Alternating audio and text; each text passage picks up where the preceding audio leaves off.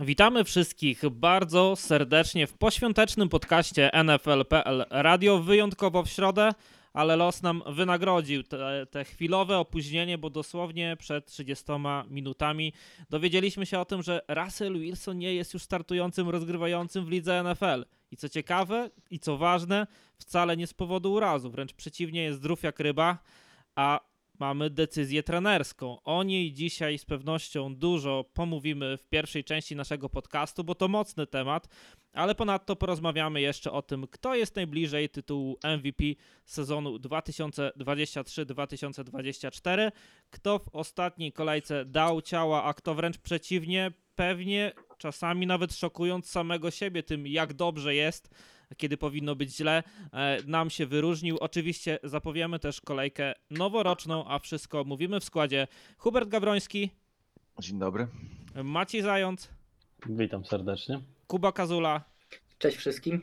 A ja nazywam się Karol Potaś i przy tej okazji też pozdrawiamy bardzo serdecznie Witka Cybulewskiego, który przebywa na małym urlopie, ale za tydzień już wraca w nasze skromne progi NFL.pl Radio i z pewnością opowie nam m.in. o Detroit Lions, bo ci wygrali dywizję, są przepiękni, a ich trener już podobno za kulisami, e, ofensywny koordynator za kulisami gdzieś tam e, sobie negocjuje wysoki kontrakt w nowym klubie, więc ale o tym, tak jak wspomniałem, za tydzień Witek nam pewnie przedstawi też jeszcze e, kulisy, natomiast zanim przejdziemy do tego już na dobre, co futbolowe. E, chcielibyśmy specjalnie podziękować naszym 24 patronom za ogromne wsparcie, w szczególności e, Maćkowi Krzywdzie oraz Przemysławowi Nowakowi, którzy wspierają nas w najwyższym progu wsparcia na serwisie Patronite. Dzięki temu możemy się rozwijać, dzięki temu możemy jeździć w nowe miejsca, promować dyscyplinę, a też przy tym E, tworzyć nowe projekty. Jeśli chcielibyście dołączyć do naszych 24 mecenasów, dołożyć cegiełkę do rozwoju NFL Polska i nas wesprzeć, to pamiętajcie, że można to zrobić już od kwoty 7 zł, a szczegóły znajdziecie jak zwykle w opisie naszego odcinka bądź w komentarzu pod podcastem. A przy okazji możemy tutaj też już wspomnieć oficjalnie, że wszyscy patroni przed świętami otrzymali od nas specjalny prezent, koszulkę Możliwe, że ona e, będzie kiedyś w sprzedaży też tak dla wszystkich, natomiast mieliśmy plan, by Was wynagrodzić, naszych patronów, tak trochę z zaskoczenia e, i mamy nadzieję, e, że ten prezent do Was dotarł jeszcze przed świętami, że sprawił małą, a może nawet wielką radość. Dziękujemy też naszemu sponsorowi technicznemu, Ojciec Okienko, za wielkie wsparcie, dzięki czemu też nasz podcast, wszystkie produkcje, które tworzymy, są w coraz lepszej jakości technicznej. Dziękujemy też e, za wszystkie gwiazdki przy podcaście. Zachęcamy też do subskrybowania, jeśli jeszcze tego nie robicie w jakichkolwiek mediach podcastowych, w których nas słuchacie, bo jest Spotify, e, ale też wiemy, że można nas słuchać między innymi na Apple Podcast bo to też sprawia, że możemy poszerzać grono naszych odbiorców, odbiorców naszych treści, a jak już to zrobicie, to zachęcamy też do kliknięcia w dzwoneczek, który będzie automatycznie informował o tym, że właśnie zameldował się nowy odcinek Często te odcinki, szczególnie premierowe, wpadają późną nocą, a jeżeli chcecie mieć taką świeżynkę od razu już na słuchawkach i, i gdzieś odsłuchać, to, to jak macie ustawione powiadomienie, to dostaniecie sygnał, że już e, podcast zameldował się w sieci. E, dziękujemy też za każdą Waszą aktywność, gdziekolwiek się z nami kontaktujecie, każdy komentarz, każde polubienie e, bo to też karmi algorytmy, a też jest taką nagrodą dla nas i też motywacją do kolejnych działań, więc jeśli zostawicie polubienie cokolwiek pod tym podcastem, będziemy również Wam bardzo, bardzo wdzięczni. Okej, okay, to tyle jeśli chodzi o słowo wstępu, a wchodzimy na grubo z Russellem Wilsonem. Sean Payton e, poinformował swój zespół, że Jared Stidham rozpocznie niedzielny mecz z Los Angeles Chargers, bardzo ważny mecz z Los Angeles Chargers, a Russell Wilson będzie w roli rezerwowego. W ostatnich czterech spotkaniach Denver Broncos y, mają bilans jedno zwycięstwo i trzy porażki. I teraz wchodzi Jared Stidham. Kuba, powiedz o co chodzi. Znaczy, no, generalnie chodzi tutaj o kontrakt Russella, Russella Wilsona. Zanim przejdę do tego, jak to wygląda, to powiem po prostu, jak, jak wygląda ten kontrakt. Na ten, na ten moment kontrakt, kontrakt Russella Wilsona jest gwarantowany na sezon 2024, a na późniejsze na późniejsze jeszcze nie. E, I chodzi mniej więcej o to, że jeśli Russell Wilson w marcu, nie pamiętam którego marca, ale jest to wyszczególniony dzień, bodajże przed y, chwilą przed wolną agenturą, chwilę przed wolną agenturą, jeśli będzie nadal, nadal w składzie Broncos, to rok 2025 także stanie się automatycznie e, gwarantowany. Jest, jest tylko w tym jedna sprawa taka, że ten kontrakt jest też Russellowi gwarantowany ze względu na kontuzję, czyli dopóki Wilson jest zdrowy, to Broncos mają wybór i mogą się go przed tym marcem e, pozbyć i jednocześnie e, mieć, no będą mieli duży, dużo tych martwych pieniędzy, ale jedynie w roku 2024, a w kolejnych już nie. Natomiast gdyby Russell Wilson e, doznał kontuzji jakiejś poważnej i w teście medycznym w marcu okazałoby się, że nadal jest kontuzjowany, no to Broncos wtedy nie mają żadnego, żadnego pola do manewru, żeby się go no, pozbyć, mówiąc, mówiąc w skrócie. E, bo już kolejny, kolejny rok gwarantowanych pieniędzy mu się pojawia. No to jest spora różnica, ponieważ on w obu tych latach ma między 35 a 40 milionów dolarów gwarantowanych.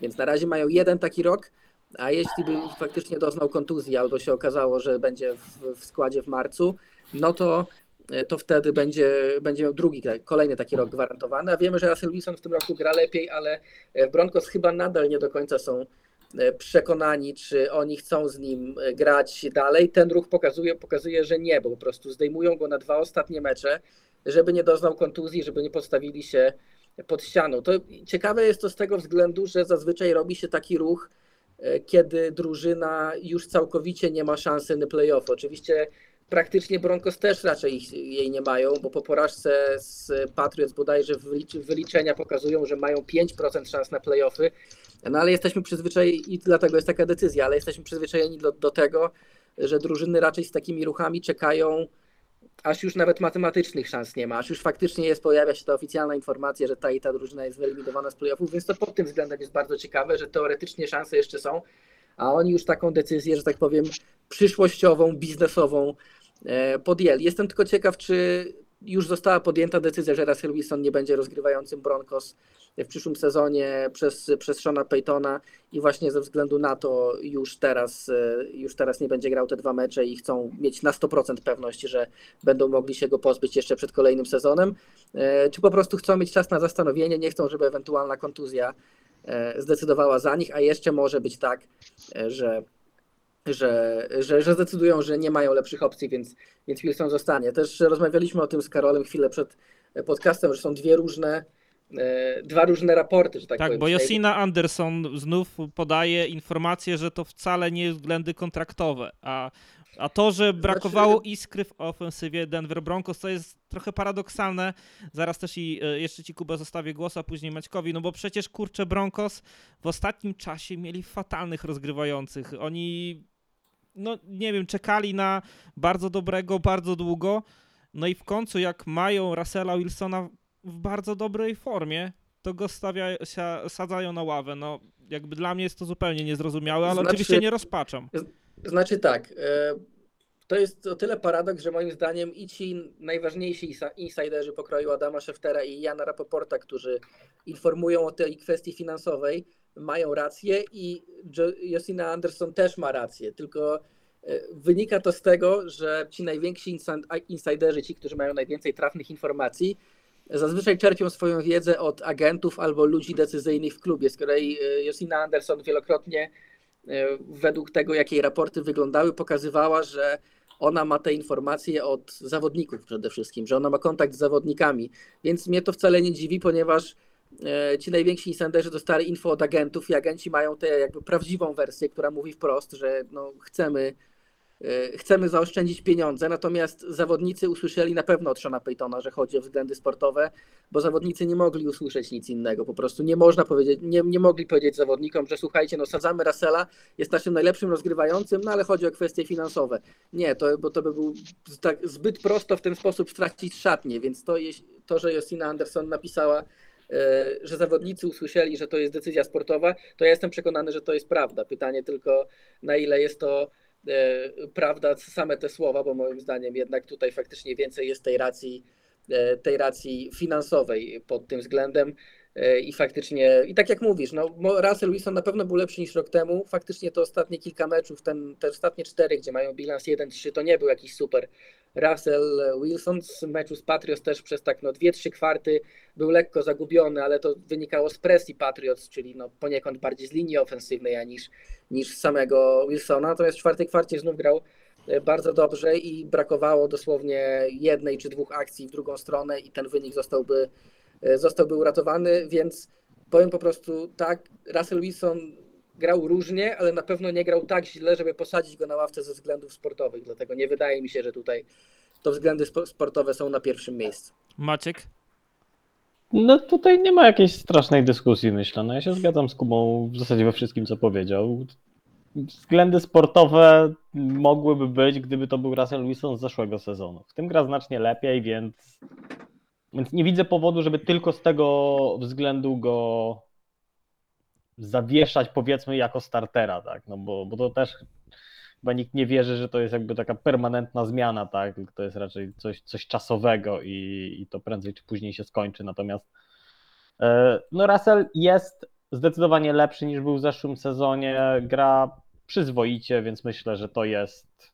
Ale oddali za niego mnóstwo wszystkiego Nie, tak no naprawdę, że- pików, kasy, e, Tak, czasu no, stracili no nie, ogrom. nie jest wart tego, co za niego oddali, no ale to nadal jest I najlepsze, co mają. No, nie, po, nie powiesz mi, że Jared Stidham jest lepszym QB na dzisiaj niż Russell Wilson. To nie jest zmiana, żebyś miał lepszego rozgrywającego. Nie, no tak, ale mieliśmy rok temu sytuację, gdzie wjeżdżał Derek Carr, yy, znaczy wyjeżdżał z, z Raiders yy, i No było teraz ja... wyjechał z, powinien wyjechać z Saints. Tak, yy, i chyba w ogóle z ligi NFL, ale generalnie wtedy była sytuacja jasna, no chcemy się pozbyć Dereka Carra i Raiders nie mają szans chyba na nic wtedy, może jakieś matematyczne, ale wątpię, żeby były e, na cokolwiek, natomiast tutaj mamy sytuację, że no kurczę, ci Broncos, ja wiem 5%, no ale to jest liga NFL i nie mają wcale takiego tragicznego bilansu i na ich rozkładzie są za chwilę Chargers, którzy grają... Z- mogą zrobić cokolwiek. Dokładnie. To nie ten czas, nie? To o, o to mi chodzi, ten timing, nie? Że nie po to się Nie. inwestuje tyle, żeby sadzać... To znaczy, wydaje mi się, że najwięcej to ma też wspólnego z Seanem Paytonem, bo przebijały się takie informacje, jak Broncos zatrudniali Seana Paytona i wiele osób pytało się wtedy, dlaczego w ogóle Sean Payton poszedł do tej roboty, kiedy po takim sezonie, jaki Broncos mieli rok temu, kiedy możliwe, że Russell Wilson to już w ogóle nie jest ten Russell Wilson i nigdy nie będzie, chociaż grał na przyzwoitym poziomie, więc dlaczego on idzie w taką trudną sytuację, gdzie Broncos są uwiązani do te, tego kontraktu i tak dalej. No i wtedy przebijały się takie informacje, które no nie były oficjalnymi informacjami, jakoś mocno potwierdzonymi, ale ludzie siedzący blisko zasugerowali, że Sean Payton dostał po prostu e, dostał po prostu taką ofertę od Broncos, która mówiła, że przez ten rok, przez ten pierwszy rok spróbuj wycisnąć z Wilsona tyle, ile dasz radę, a potem to jest już twoja decyzja, czy ty chcesz, żeby on dalej był z nami, czy nie, że na zasadzie no, przywiązujemy się do Seana Paytona jako head coacha, a nie do Russella Wilsona jako rozgrywającego.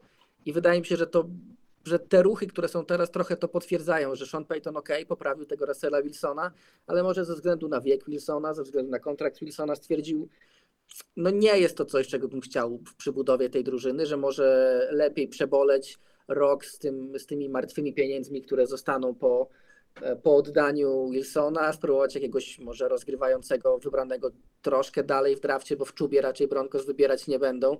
Raczej nie będą też szaleć trade-upami, ale no, że wybiorą jakiegoś rozgrywającego w którymś momencie draftu, może podpiszą jakiegoś weterana dużo tańszego w wolnej agenturze, który, który, będzie, im, e, który będzie im pasował e, i raczej i pójdą w tym kierunku, że spróbują czekać ten moment, może coś rozwinąć, jak się nie uda rozwinąć, to wybrać za rok w drafcie i tak dalej, i tak dalej, bo no Wilson ma swoje lata, ma duży kontrakt i jest no duża szansa, nawet bardzo duża szansa bym powiedział, że w takim kształcie, w jakim są teraz Broncos z nimi, z jego kontraktem, no to wygrywania tutaj za dużo nie będzie. Może to być drużyna średniego kalibru, która wejdzie do playoffów.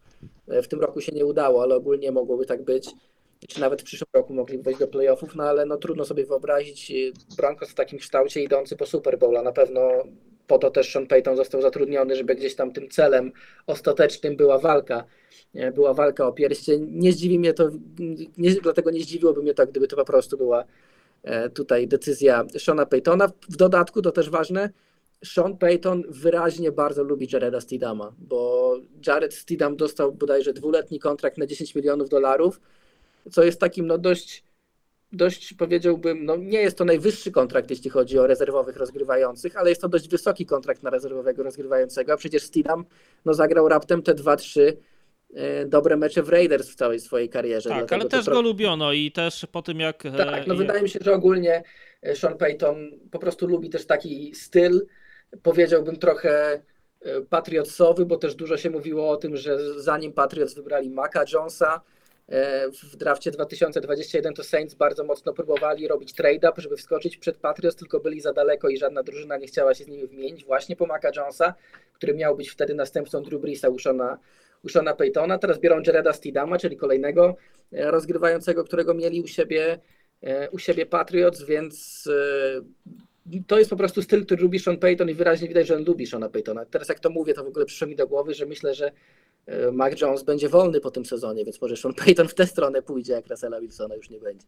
Tak, a może, e, może gdzieś e, zapoluje w ogóle w jakieś nieoczywiste nazwisko na rynku wolnych agentów, bo wiemy, że w tym sezonie spory mamy przemiał tych wszystkich nazwisk rozgrywających i taki Joe Flacco, o którym z pewnością dzisiaj powiemy dużo, nagle okazał się z wielkim zbawcą Cleveland Browns. Hubert, jak ci jest ze świadomością, że Broncos Country już możesz nigdy nie powiedzieć nawet? Halo Hubert, czy się słyszymy?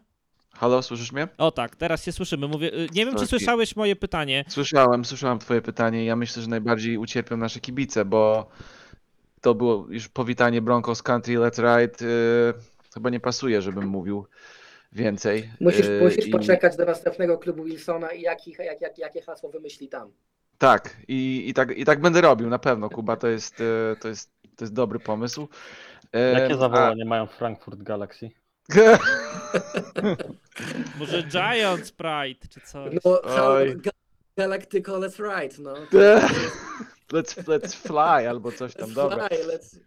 Albo coś z rakietą, coś z rakietą Tak. na pewno wymyśli. Może być, może tak być. Em, powiem wam, jak, ja, ja tylko dołożę to, że ja ostatnio widziałam, jak, e, jak bardzo Sean Payton e, krzyczał na Rus- Russella Wilsona po jakiejś tam akcji i, i widać było, że tam buduje się jakieś tam napięcie, no nie? I że, i że jednak e, no, konsystencja, on nie jest konsystent. Lepiej gra w tym roku. Tak, nie chcę powtarzać wszystkiego, co już mówiliście, bo się z wami totalnie zgadzam, ale no, lepiej gra, ale to nie jest na ten poziom, co zapłacili, to nie jest na ten kontrakt. I mimo to, że no i plus jego wiek, tak, ma 35 lat, taką wielką um- umowę, to, to raczej jest logiczne, żeby, żeby jego, no żeby ten rebuild miał miejsce. Może raczej trade'u tutaj nie będzie, chyba po prostu jego ob, obetną i, i tyle będzie z, z Russell Wilson w Denver, ale no podejście było mądre, no. Wyciśnij z jego ile dasz radę, Yy, I powiem ci, że powiem wam, że nawet sporo wycisnęli z Russella Wilsona. Nie spodziewałem się aż tak, że aż tak dobrze pogra, biorąc pod uwagę, jak fatalnie grał rok temu. Tak, Nathaniel em, Hackett podobno był tym wszystkim złym, co tak zepsuło Tak. Russella Wilsona. Tak, tak, tak. I, i, i, Peyton go naprawił. Czy, czy jest sens budować? Jest argument, no, mo, można jeszcze zrobić ten argument, że z drugiej strony, że może zapłaćmy mu i walczmy jeszcze o jeden rok i, i budujmy wokół Russella, ale no on ma 35 lat, on już nie biega jak biegał, co jest połowę jego, jego sił, jego superpowers, to jest właśnie No, to, trzy że może raczej już nie biegać. będzie. No, już, już, już te same ruchy nie ma i, i on strasznie tak naprawdę się zwolniał, jak, jak patrzymy 3 lata do tyłu i teraz. I to, jest, to są dwa inne zawodniki, więc um, no, ogólnie się zgadzam z tym. Troszeczkę szokujące, bo to, to jest jednak e, topowy rozgrywający z ostatnich kilku lat, ale no, no, no Father Time waits for nobody, więc, e, więc przyszedł czas na Russe- Russella. Tak, trochę e, Broncos stali się takimi, nie wiem, polowanie na może złe, złe konie, czy złe wybory, bo Denver Broncos najpierw chcieli ściągnąć przecież Arona Rodgersa, nie udało się. E, Później e, zdecydowali się na Russella Wilsona, też się nie udało.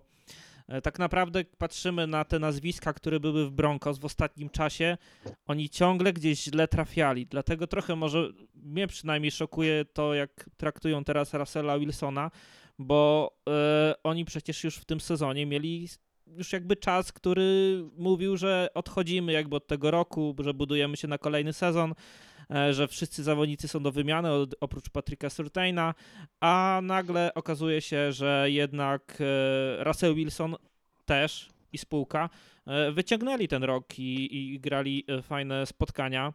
Finalnie wiemy, jak to teraz wygląda. No, znaczy, patrząc też na przeszłość Denver Broncos, e, myślę, że to może się bardzo źle zestarzeć, ale e, mówię, ja, ja z tego powodu rozpaczać e, absolutnie nie będę. Wchodzi Nie, ty, ty powinieneś szampan otwierać, stary. Jared Steedham będzie zbawcą, więc mamy jeszcze Denver Broncos na rozkładzie w ostatniej kolejce, może jakiejś decydującej o czymś, nie wiem czy o playoffach, ale, ale może ten Jared Steedham może się jeszcze nam przydać, więc oby tak było. E, Natomiast jeśli chodzi o inne spotkania i i to co, się, e, to, co się działo, bo było bardzo dużo fajnych zestawień w tygodniu 16, no to e, wrócę do ciebie, Kuba, bo wiem, że jesteś krócej, e, to żebyś też mógł się podzielić naszym typ, swoim typem w tym temacie. Kto dla ciebie po tych 16 kolejkach jest zawodnikiem najlepszym w lidze? Czyli takim, no tak jak to się tytułuje, MVP, tak, sezonu 2023-2024. No to jest akurat bardzo trudny temat, bo pierwszy raz, nie wiem czy nie pierwszy raz odkąd w ogóle oglądam NFL, e, mamy taki sezon, że trudno wskazać faworyta czy faworytów nawet. No bo nawet jeśli nie do końca wiedzieliśmy, kto będzie tym MVP, to zazwyczaj dlatego, że po prostu było dwóch, trzech kandydatów, a nie dlatego, że trudno było wybrać choćby jednego, e, choćby jednego pasującego. A tu wygląda na to w tym sezonie, że każdy kandydat, który nam się wysuwa na czoło tej rywalizacji, to za chwilę robi coś, co pewnie w oczach głosujących go, e, go, go zrzuci. Tak było, no Dak Prescott w pewnym momencie był, był kandydatem, e, faworytem bookmacherów i też e, po słabszym, po słabszym meczu to gdzieś się wszystko popsuło. Brock Purdy był przed chwilą dosłownie e, głównym faworytem w, przy tym jak grali 49ers, bo wiadomo, bardzo dobry rozgrywający, grający w najlepszej drużynie pod względem bilansu to zawsze, e, to zawsze faworyt, chociaż e, w kwestii Perdiego akurat zdania są podzielone, no ale i on zagrał bardzo, bardzo e, zły mecz e, w tym tygodniu z Baltimore Ravens, więc aktualnie faworytem bookmacherów jest Lamar Jackson, który z kolei e, Statystyków takich nie ma. tak, który według mnie, jeśli weźmiemy pod uwagę nazwę nagrody, czyli ten Most Valuable Player, czyli to valuable, wartościowy, to on faktycznie jest jednym z najbardziej wartościowych zawodników dla swojej drużyny w całej lidze, no bo wyciągasz Lamara z tej drużyny i tego ataku nie ma, bo tam nikt inny tego tak nie poprowadzi. E, Natomiast jemu brakuje takich statystyk. No, ci, którzy patrzą na statystyki, a głosują, głosujący będą patrzeć bardzo różnie, bo są głosujący, którzy będą patrzeć właśnie na narrację, no, że mieliśmy dwóch kandydatów do MVP, Perdiego i Jacksona, no i wygrał Lamar, więc Lamar jest wyżej, mimo tego, że oni między sobą na boisku nie walczą przecież. A będą tacy, którzy będą patrzeć na statystyki i powiedzą, że no, Lamarowi brakuje tych statystyk w porównaniu do innych kandydatów. Im brakuje mu rzuconych przyłożeń, bo ma ich mniej niż Purdy, niż Dak, niż Josh Allen nawet, który po tym jak Bills trochę nam się odrodzili, zaczął się też pojawiać e, w tych dyskusjach. E, Dlatego no, ja jeśli faktycznie, ja generalnie zawsze trochę mam wrażenie, mam inną opinię niż, niż inni, bo ja właśnie trzymam się tego słowa wartościowy, a ostatecznie te głosy padają właśnie ze względu na statystyki, na wyniki drużyny e, i tak dalej. Chociaż to też się zmienia może lekko w ostatnich latach, ale zazwy- zazwyczaj tak bywało. Dlatego ja, ja nie mam nic przeciwko z tym, żeby Lamar wygrał, bo faktycznie uważam, że jest jedną z najbardziej wartościowych rozgrywających dla, dla, swojej, dla swojej drużyny i mało kto straciłby tak dużo, gdyby stracił rozgrywającego jak Ravens, gdyby, gdyby stracili Lamara, no ale ja też jestem zawsze, zawsze za tym, że, że no może kiedyś dobrze by było, gdyby MVP wygrał zawodnik, który nie jest rozgrywającym, bo przyzwyczailiśmy się do tego, że to jest, e, że to jest nagroda rozgrywających, a że w tym sezonie jest tak, że przy każdym rozgrywającym, który pojawia się w dyskusji są znaki zapytania, no to czemu nie dać tego, tego wyróżnienia e, jakiemuś innemu zawodnikowi? No,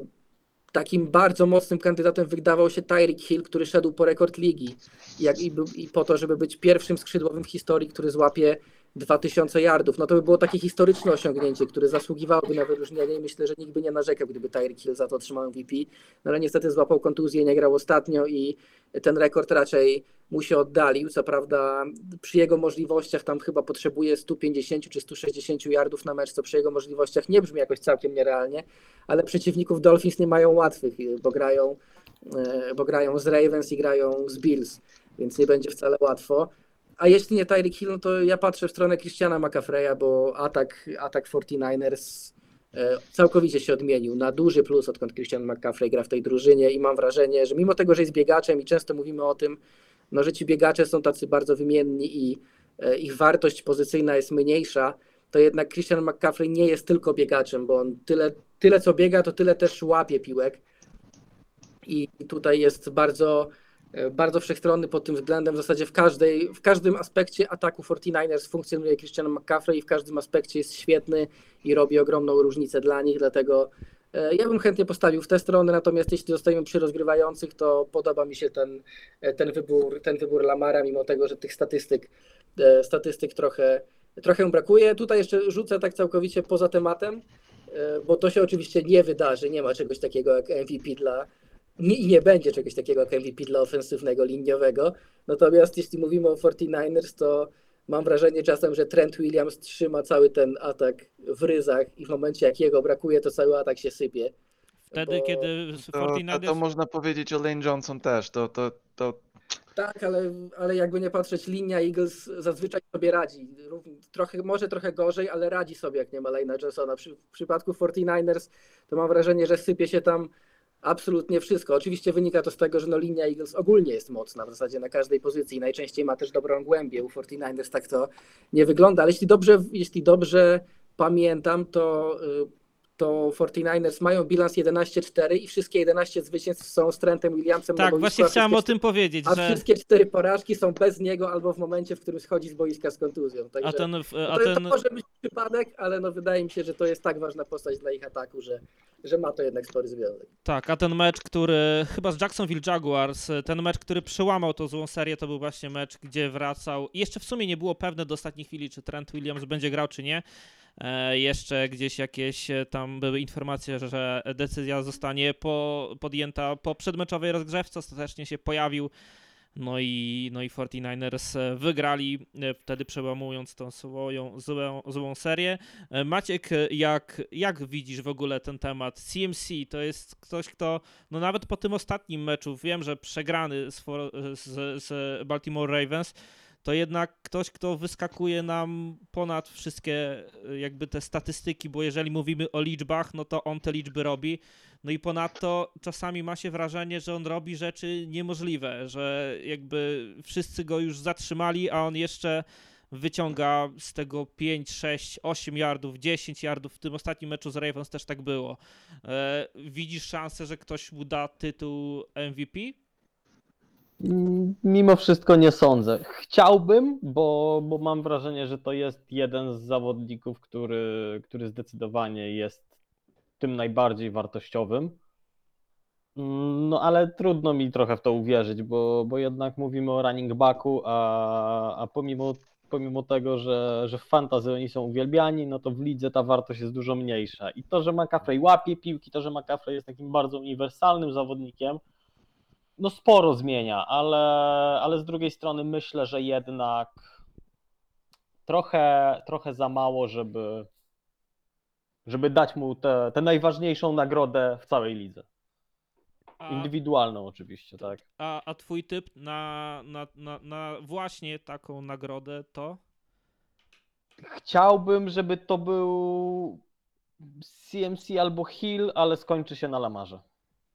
Czyli klasycznie skończy się rozgrywającym twoim e, zdaniem. No i Hubert dopełnij nam e, dyskusję. Jak ty widzisz? Jakie masz No ja- przeczucie? ja ogólnie widzę to troszeczkę. Bo running back jest uzależniony spo, w sporej mierze od linii ofensywnej i, i od quarterbacka, ataku i tak dalej. Więc ja wiem, że on tam, Christian McCaffrey tam cuda robi i tak dalej, ale nadal bez różnych czynników on, on by nie był taki dobry, jaki jest. W mojej ocenie quarterback to MVP jest quarterbackowa jakby de facto y, nagrodą, bo quarterback zazwyczaj jest ten, który jakby ciągnie drużynę mimo innych rzeczy, jak się rozpadają, więc w wypadku Lamara, tak jak mówiliśmy wcześniej, jak coś nie działa, to on ucieka, biega i swoimi nogami tworzy więcej, tworzy, tworzy z, z niczego coś. Więc dlatego myślę, że Lamar, kurczę, cię- ciężko powiedzieć, bo jego statystyki nie powalają, ta, ta obrona Jeszcze jest bardzo kwestii dobra. W kwestii statystyk, pozwól, że ci przerwę, trzeba pamiętać, że Ravens mają strasznie dużo przyłożeń z pierwszego, z drugiego yarda, których Lamar nie przejmuje sam, tylko oddaje do biegacza. Widziałem taką opinię, że gdyby, że gdyby Ravens grali tuż tuż, tak jak grają Eagles, i to Lamar zdobywał te przyłożenia, to dyskusja, o- dyskusja MVP już by się dawno skończyła, bo miałby ich wystarczająco narobiona. Strasznie często ci Ravens faktycznie się zatrzymują gdzieś tak yard czy dwa przed polem punktowym, tam Gus Edwards czy Justice, Justice Tak, tak, to jest tak. fakt, to jest fakt, ale no, to, to jest na minus dla jego, tak? I, i nie, nie zaliczamy mu touchdownów, których on nie, nie, nie ma, więc jak E, mamy tak patrzeć na dorzucę, same touchdowny, e, do, dorzucę tylko do, do tego, o czym mówicie. Ostatnim nie QB MVP e, był e, Adrian Peterson. Peterson. Tak, 2012 rok. Był, on miał 2000 yardów chyba w tym roku i to, i to no, te- te, ten atak on rzeczywiście sam ciągnął. Tutaj no, masz brak Purdiego, który ma 28 touchdownów, masz Debo Samuel, w tym, w tym ataku oni, oni są na niekorzyść wszyscy, ten atak jest nie na korzyść dobry dla, dla MVP, bo tam każdy się jakoś dokłada. Jak nie Ayuk, to Debo, Purdy ma Tak, tam swoje nie, momenty. ma, nie, ma, nie ma wyróżniającej się postaci po prostu. Tak, nie ma wyróżniającej się postaci i... Jest. i... Kto? Shanahan. A, no to Shanahan może być coachem. Może MVP? jakby, jakby ktoś stwierdził, że nagroda MVP dla Shonahana na pół z jednym z jego zawodników, to ja jak najbardziej za. Ja, ja ogólnie myślę, że to powinien być rozgrywający. Ja bym. zg- Zgadzam się z Kubą, bo mimo to, że statystyki może nie ma najlepsze, to Lamar powinien to dostać, to chyba się zgadzamy, bo on, on ciągnie tą drużynę za, za ten atak, ile się da, mimo to, że mają bardzo dobrą obronę i tak dalej. Też bym wziął pod uwagę, jak chodzi o same statystyki i rekord y, Herca, który ma 38 chyba touchdownów, czy 35 i Josh Allena, który też ciągnie swoją drużyną tymi touchdownami i, i tam jest w sporej mierze odpowiedzialny na, na, na rekord swojej drużyny. Hertz ma balans lepszy, więc ja, ja myślę, jak patrzymy, jak głosujący patrzy na produktywność i rekord drużyny i gdzie stoi, no to trzeba wziąć pod uwagę Herca, Alena i Lamara i gdzieś tam McAfreya wci- wcisnąć na czwarte miejsce może. Więc ja myślę, że to będzie ta trójka, może Dak gdzieś jeszcze się znajdzie. E, ewentualnie z tym, że ostatnio, te ostatnie dwa mecze to bardzo nie na korzyść um, dla jego i właśnie na korzyść, bo jakby wygrał, no to będzie narracja w ogóle inna. a no tak, no tak, to, to, to też fakt, ale nie, Trudni, tru, z trudnymi przeciwnikami, tak jak właśnie Birdie, teraz jak się przegra, to automatycznie te szanse na MVP spadają, no ale No jak tak. się wygra, no to, to narracja się zmienia, no bo wygrał no, no to teraz wracam do Herca, bo Herc pobił Kansas City w Kansas City, pobił Buffalo, pobił Miami, pobił Dallas raz i tylko przegrał z San Francisco Cowboys i no ten mecz w Seattle był trochę głupi, ale, ale generalnie no to te były porażki, ja myślę, że ja nie chcę już chodzić na temat Eagles, bo oni w ogóle co oni, jak oni grają, wbrew sobie jakoś tam wygrywają, ale no ma, ma nadal statystyki yy, i dużo touchdownów i drużyna ma dobry rekord, więc jak patrzymy tylko na to, to on musi być jeden z górowych trzech, powiedzmy, w mojej opinii. Okej, no zobaczymy. Myślę, że ja też się tutaj składam, że pewnie Lamar Jackson zostanie tym MVP, no bo no tak. chyba, że zali, chyba, że zaliczy strasznie zły mecz z Dolphins. Tak, Tak. jak Birdie teraz z Ravens. no to wtedy, wtedy to już, wtedy to może McCaffrey to już rzeczywiście nie, wygra. wtedy to już nie wiemy w ogóle, co się wydarzy. Chociaż, No. dru- chociaż z drugiej strony, przy- patrząc nawet na ten ostatni mecz z 49ers i widząc to, że nawet jeżeli tam w pewnym etapie e, gra podaniowa nie wychodzi, bo też tak było na początku spotkania, e, gdzie Ravens e, nie szło ta gra zupełnie, e, to e, też mają tych biegaczy, których wyciągają sobie e, z, jakby jak królik z kapelusza.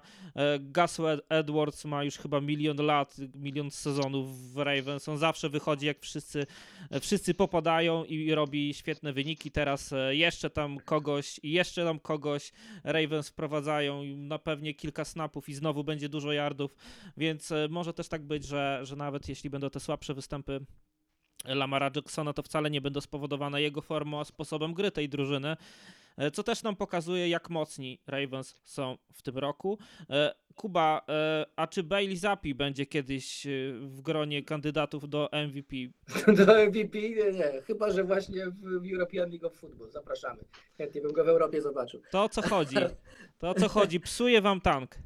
No psuje. Znaczy, no wiadomo było od samego początku. Wszedł do że- czołgu i zepsuł. Tak. Tak, wsiadł do czołgu Po i co zepsuł. Mac Jones y, Mac jest w tym Jones zespole? tak- tak dobrze Miał wyglądał w tankować. tym- Tak, Mac Jones tak dobrze wyglądał w tej, w tej czapce czołgistce, to trzeba było mu zabrać i, i, tyle, i tyle z tego wyszło. No wiadomo było od samego początku, że ani Bill Belichick, ani zawodnicy Patriots nie będą tutaj e, próbować tankować, bo mało która drużyna może sobie na to pozwolić, mało która drużyna w ogóle próbuje tankować specjalnie. No w tym wypadku nie miało to racji bytu, bo i pozycja Billa Belichicka, co brzmi e, nadal abstrakcyjnie, ale nadal jest jak najbardziej prawdziwe, e, jest zagrożona, a też wiadomo było, że jeśli będą Patriots mieli wysoki pik, no to wybiorą rozgrywającego, więc dlaczego czy Mac Jones, czy Bailey Zappi mają tutaj, e, mają cokolwiek robić w kierunku tego, e, żeby przegrywać, wręcz przeciwnie, oni mają motywację podwójną, żeby, żeby wygrywać, bo jeśli Patriots nie wybiorą rozgrywającego w drafcie, no to jest wtedy większa szansa, że no oni będą mieli, dostaną szansę walki o miejsce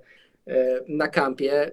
To nie- no ja jestem już, jestem, już mi i tu mówiłem i pisałem w tekstach na NFL Polskę, że ja jestem absolutnie e, pro e, przegrywanie już w takiej sytuacji, w jakiej teraz są Patriots, bo nie ma żadnego znaczenia, czy Patriots będą mieli bilans 3-14 czy 4-13, e, ale Tak już tylko zna- tytułem uzupełnienia powiemy, że mówimy o sytuacji, kiedy, bo może nie wszyscy oglądali, to był tydzień świąteczny, Patriots pokonali w Broncos, Denver Broncos 26 do 23, no i to zwycięstwo zostało wyrwane e, trochę, tak niespodziewanie. Tak, no Patriots, Patriots trochę znikąd wyszli wtedy tam na bardzo wysokie prowadzenie. Trzecia potem kwarta Broncos- 20 do 0. tak. Potem, potem, potem Broncos zaczęli w czwartej kwarcie gonić. To jest to, o czym, o czym powiedziałem wcześniej, że Russell Wilson nam się wtedy obudził i doprowadzili do remisu, a potem się okazało, że e, no, swoją drogą bardzo słaba decyzja Shona Paytona e, w, w tej końcówce, ponieważ postanowił, znaczy słabo ostatecznie, oceniać można ją różnie. E, Ponieważ kiedy Patriots, e, kiedy był wynik 23-23, a do końca zostało 40 sekund, to Patriots wyraźnie postanowili e, wystrzelać, że tak powiem, Shona Paytona z jego timeoutów, a potem zaryzykować. Taka taktyka trochę na podejście. Dwa razy pobiegli środkiem, więc nie zdobyli dużych yardów, więc Sean Payton dwa razy wziął przerwę na żądanie, ponieważ pomyślał, że skoro jeśli zatrzyma trzecią próbę w tej chwili, no to Patriots będą musieli odkopnąć piłkę, no i Wilson będzie miał 40 sekund, żeby poprowadzić Broncos do zwycięstwa. Tymczasem się okazało, że w tej trzeciej próbie Patriots bardzo mocno zaryzykowali dalekim rzutem. E, Ten rzut wyszedł i to Patriots kopnęli na zwycięstwo chwilę. No, ale po- powiesz, no trzeba mieć jaja, żeby mieć Bailey'ego zapi i zostawić mu trzecią próbę i długie podanie. Znaczy wiesz, to było takie podanie, z, takie po- powiedziałbym z gatunku niegroźnych, bo tam szansa na, na przechwyt nie była zbyt duża, chyba żebym jakiś szybki sak się zrobił, więc to było albo nam się uda i coś z tego zrobimy, A tam fajną się- ekipę wam, jak ty tam to pisałeś, fajną ekipę zmontowali w tej ofensywnej linii, więc było ciekawie w Patriots. Tak, no ogólnie ta linia ofensywna już w pierwszej akcji meczu w ogóle Bailey Zappi stracił piłkę i to się prawie to się skończyło na piątym yardzie, a prawie na przyłożeniu. Yy, Więc i to dlatego właśnie, że rezerwowi gr- gracze grali po lewej stronie linii, ale potem to się unormowało i trochę w trakcie meczu się poprawili.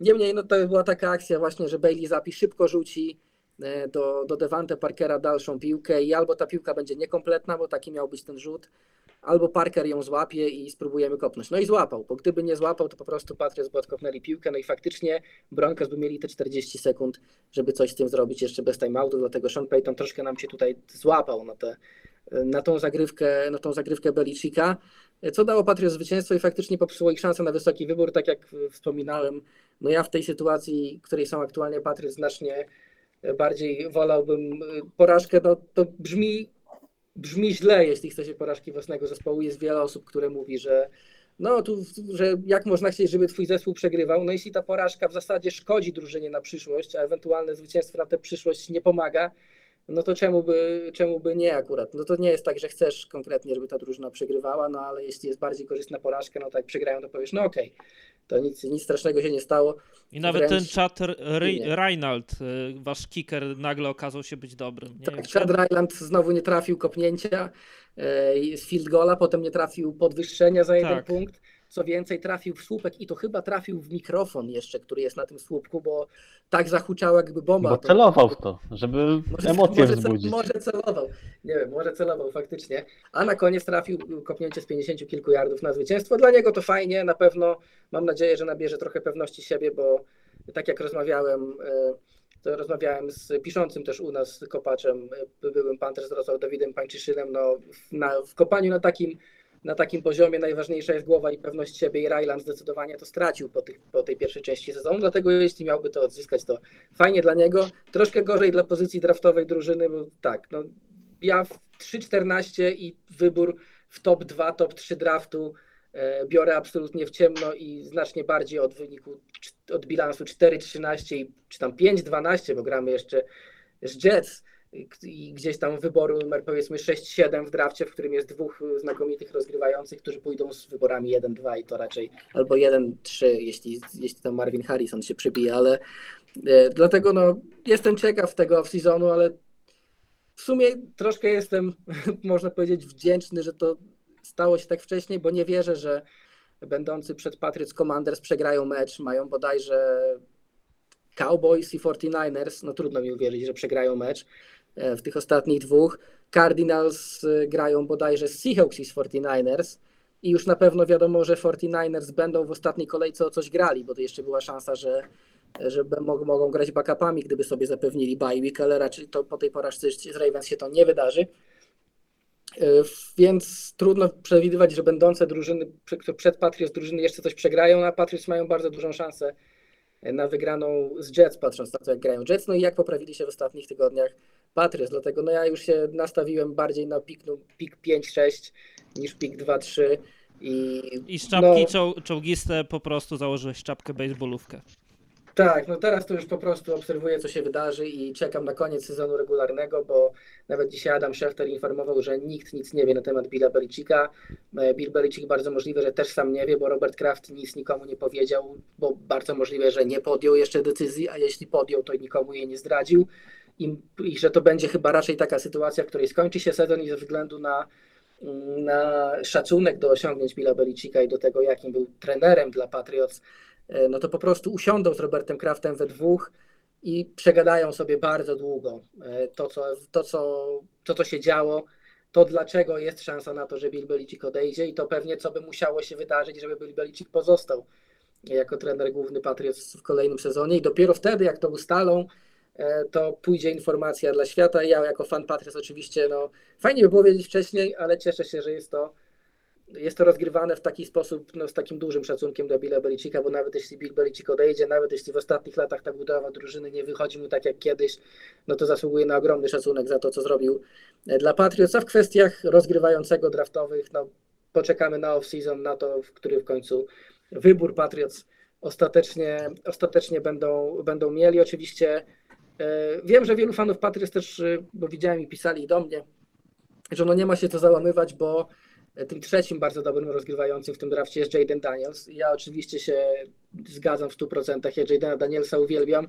E, To jest- Heisman Trophy z tego sezonu, tak jeszcze Tak, zwycięzca Heisman Trophy, czyli takiego uczenia, uczelnianego e, MVP. Natomiast to nawet nie chodzi o to, e, no, że ja na przykład nie lubię Danielsa, bo uwielbiam. Gdyby ktoś mi powiedział, że Patriots skończą z numerem 5 i wybiorą Danielsa, to bym powiedział, no i super, to już nawet mi nie szkoda tego e, wyboru w top 2.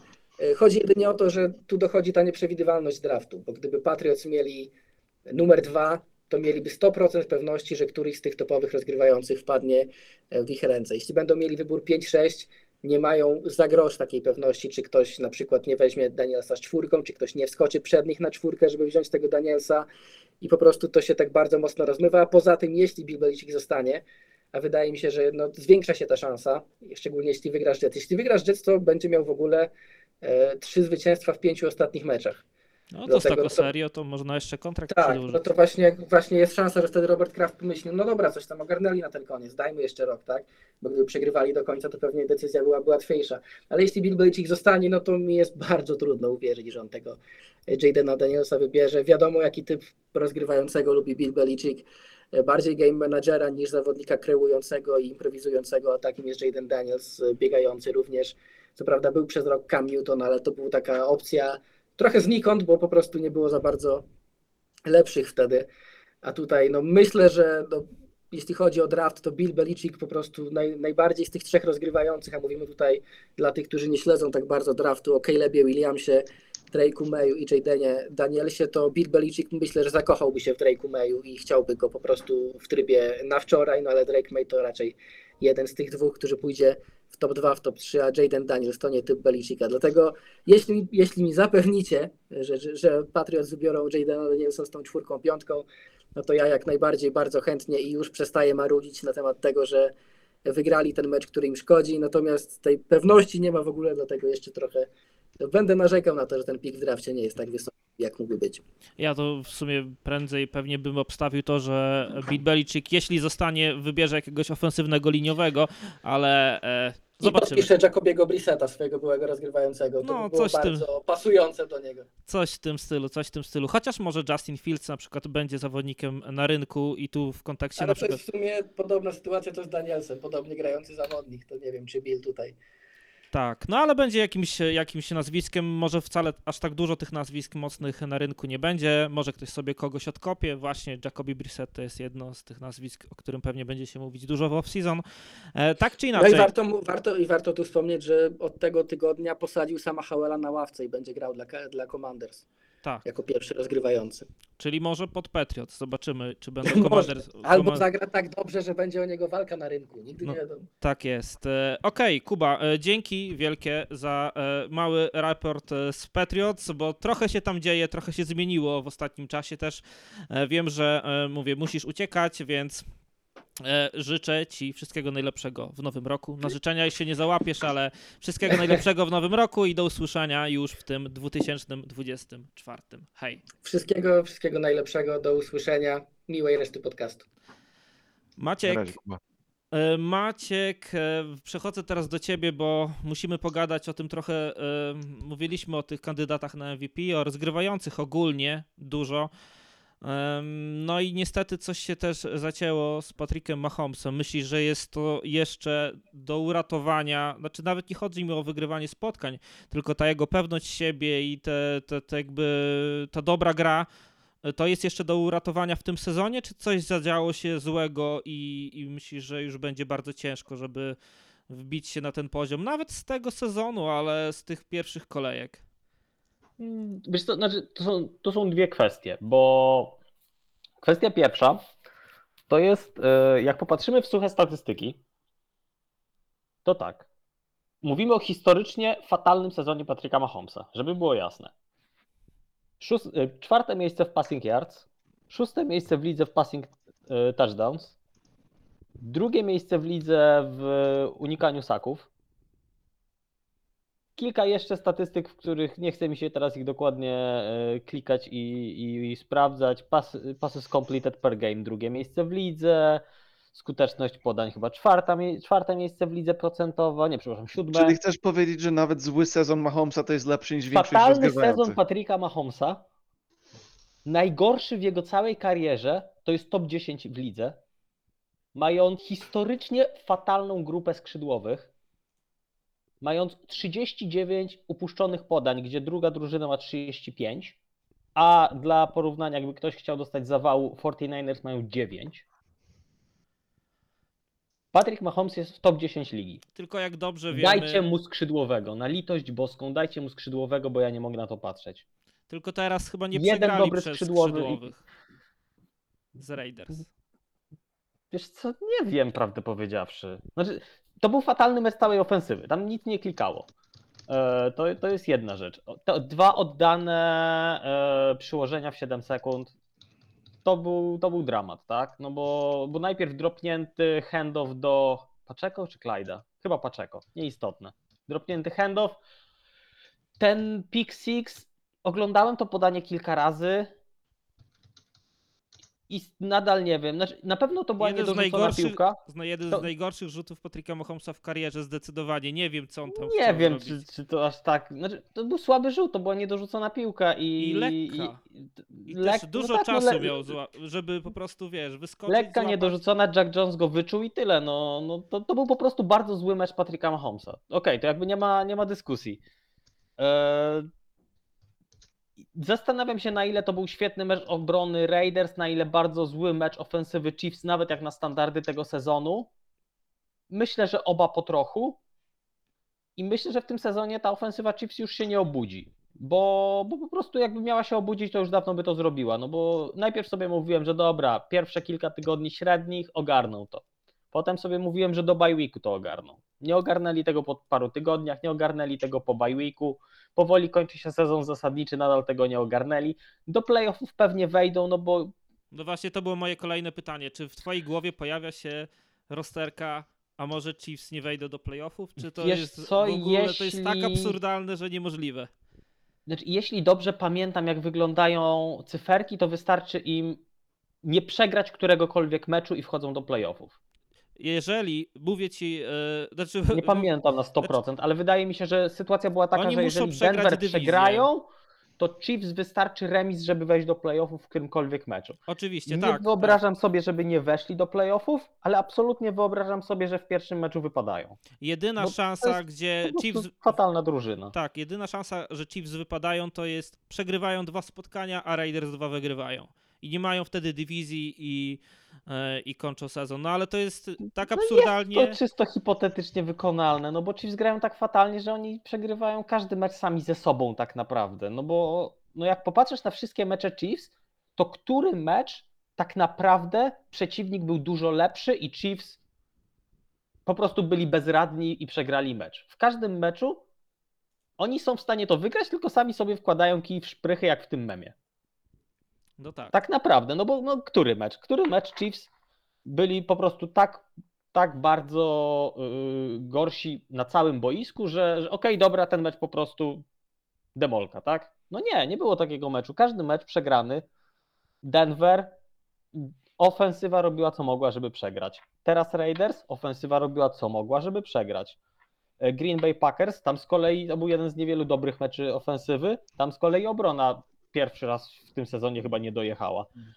To jest przedziwna drużyna w tym roku, tak? Oni byli. E, dzie, przepraszam, teraz są 9-6, tak? Tak. Odrobina więcej farta i to jest 12-13 winów. Tak, Tak. serio. A, a tak serio, jak mówiliśmy o słabych Nie, nie Denver Broncos, w czterech ostatnich spotkaniach e, trzy porażki, w sześciu ostatnich spotkaniach tylko dwa zwycięstwa. E, No tak, no. jest od tygodnia, kiedy mają bye week, e, mają jakiś zauważalny gdzieś problem e, i też wydaje mi się, że oczywiście Raiders zagrali kapitalne spotkanie w defensywie. Ta ofensywa była bardzo średnia, ale nie musiała być dobra. Też nie grał Josh Jacobs, nie było Coltona Millera, więc też łatwo było się gdzieś dosta- dostać, dorwać do Aidena O'Connella, z czego też defensywni liniowi Chiefs- skorzystali i, i sobie e, też tego czerpali bardzo dobrze. No bo obrona Chiefs zagrała naprawdę dobry mecz. Aiden O'Connell chyba nie, nie miał celnego podania od drugiej kwarty, jeśli dobrze pamiętam mecz. Tak, być mogło, ale też sytuacja boiskowa tego nie wymagała i Pierce No, to gdzieś tłumaczył, że... no jasne, że tak, no ale no, no nadal, znaczy nie musiał podawać tyle, ile musiałby, gdyby gonili wynik, no ale nadal no, nie miał celnego podania przez trzy kwarty meczu, tak? Tak, Chiefs wyszli e, jakby na. Zmniejszyli przewagę do jednego posiadania dopiero w ostatnich minutach spotkania, więc też Tak. nie mogli wrócić, jakby, więc. W ogóle e, kolejna, kolejna ciekawa rzecz. Chiefs mają w tej chwili najgorszy bilans e, turnoverów w lidze. Jest to minus 10. Obok nich są takie drużyny jak Jets, Vikings i Commanders. No, No, tak, tak to się dzieje. Nie, ta drużyna po prostu w tym sezonie nie działa ofensywnie.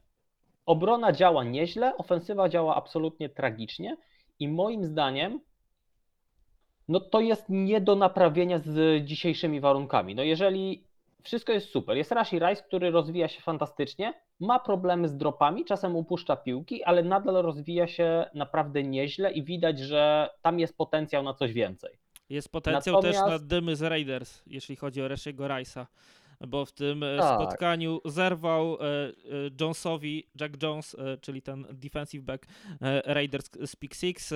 Tam gdzieś w pewnym momencie jakaś dyskusja była z Rashim Rice'em i spółką, no i Rashi Rice złapał za, za nie wiem, czy to były jakieś klamry, czy to był zwykły łańcuszek i po prostu zerwał go. Wiesz co, Jack Jones też pewnie coś tam powiedział. Na, no. na, znaczy nagrodę Buca Roku zdecydowanie powinien dostać, tak? No, za, za tą akcję po Pick Six, bo samo Pick Six jakby zero pretensji, tak? Zrobił to, co powinien.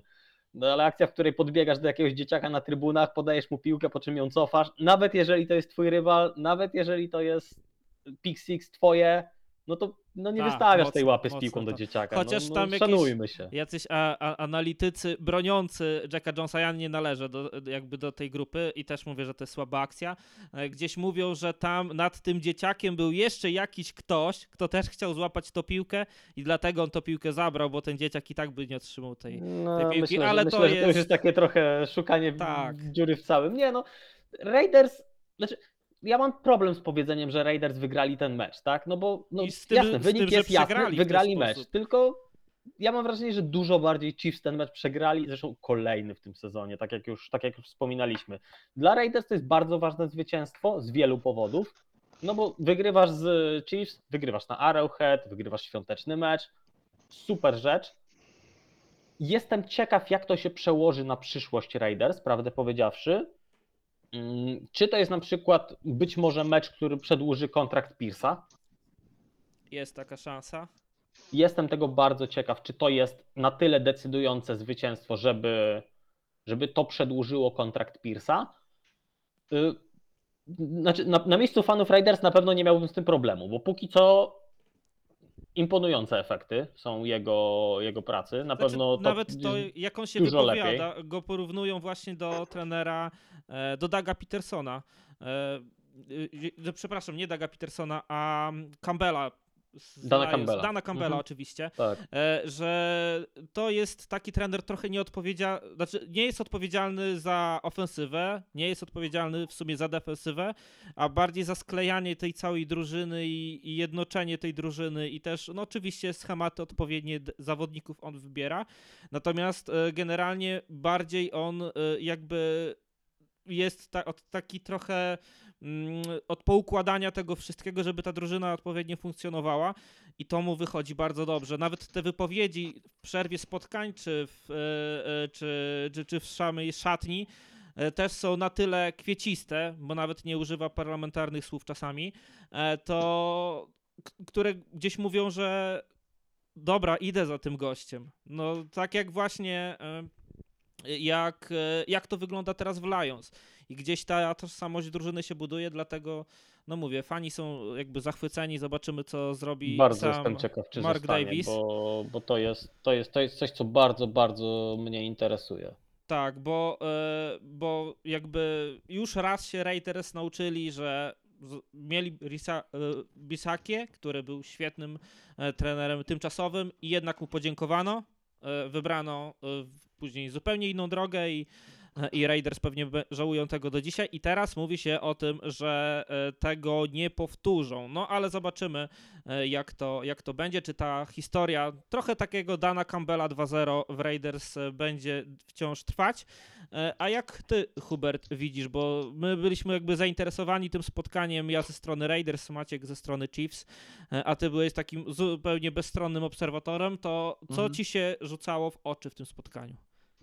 Eee, dominacja Raiders defense, to, e, ogólnie dominacja. Ja, oni, Raiders w tym roku mają absurdalnie dobrą obronę.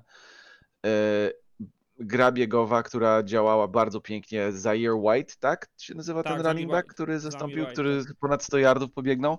Szczególnie pod koniec meczu, jak wyciągnął taki... Właśnie, Zamir White y, to jest kolejny dowód na to, że zapłacenie dużych pieniędzy running backowi to jest znakomity pomysł. Tak, bardzo często Tak. zresztą kamery pokazywały Josha Jacobsa e, właśnie po dobrych próbach Zamira White'a i to takie, Przypadek.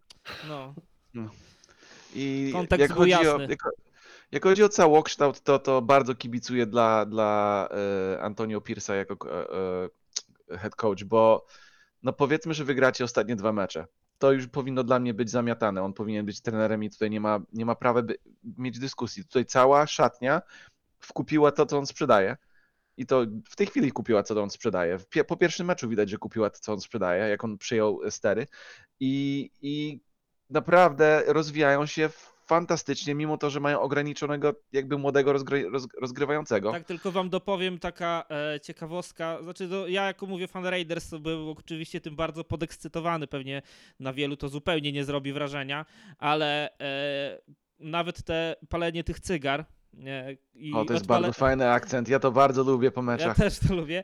I odpalenie w szatni e, Chiefs, to, to właśnie coś tam Pierce wspomniał o tym, że palcie, palcie, później będziemy krzyczeć, żeby ta szatnia długo e, jakby pamiętała ten zapach tej porażki e, Chiefs nad Raiders. Ja, ja to się to buduje podoba, zawodników, to jest to buduje zawodników, bo się chce grać dla tej drużyny po old prostu. schoolowe podejście do futbolu. Troszeczkę, troszeczkę w tej dobie zapomniana, ale trenerzy jak Dan Campbell, tre- trenerzy jak, no Andy Reid wiadomo, ale Dan Campbell, y, Antonio Pierce, y, jest kilka innych jeszcze, których nie przychodzą mi do głowy, takie, o John Harbaugh, old- old schoolowe, futbolowe, takie, takie Mike Tomlin to- myślę jest też tak. Mike Tomlin, tak, oczywiście, takie, y, gdzie grają zawodnicy z jajami po prostu. To nie jest, to jest kontakt, to jest ciężka gra, to jest agresja i, i walka do samego końca i to jest, co przynosi Antonio Pierce i to jest charakterystyka dobrych drużyn, którzy, które zawsze są dobre historycznie. Więc y, jak, jak Mark Davis nie zwariuje i zacznie myśleć o Hollywoodzie, i o John Harbaugh, albo o Jim Harbaugh, albo o y, jakimś tam innych y, hollywoodzkich trenerach, nazwijmy ich, to, to jak w tej chwili to jest bardzo łatwa decyzja, żeby go zostawić, bo wie, że zawodnicy będą dla jego grali.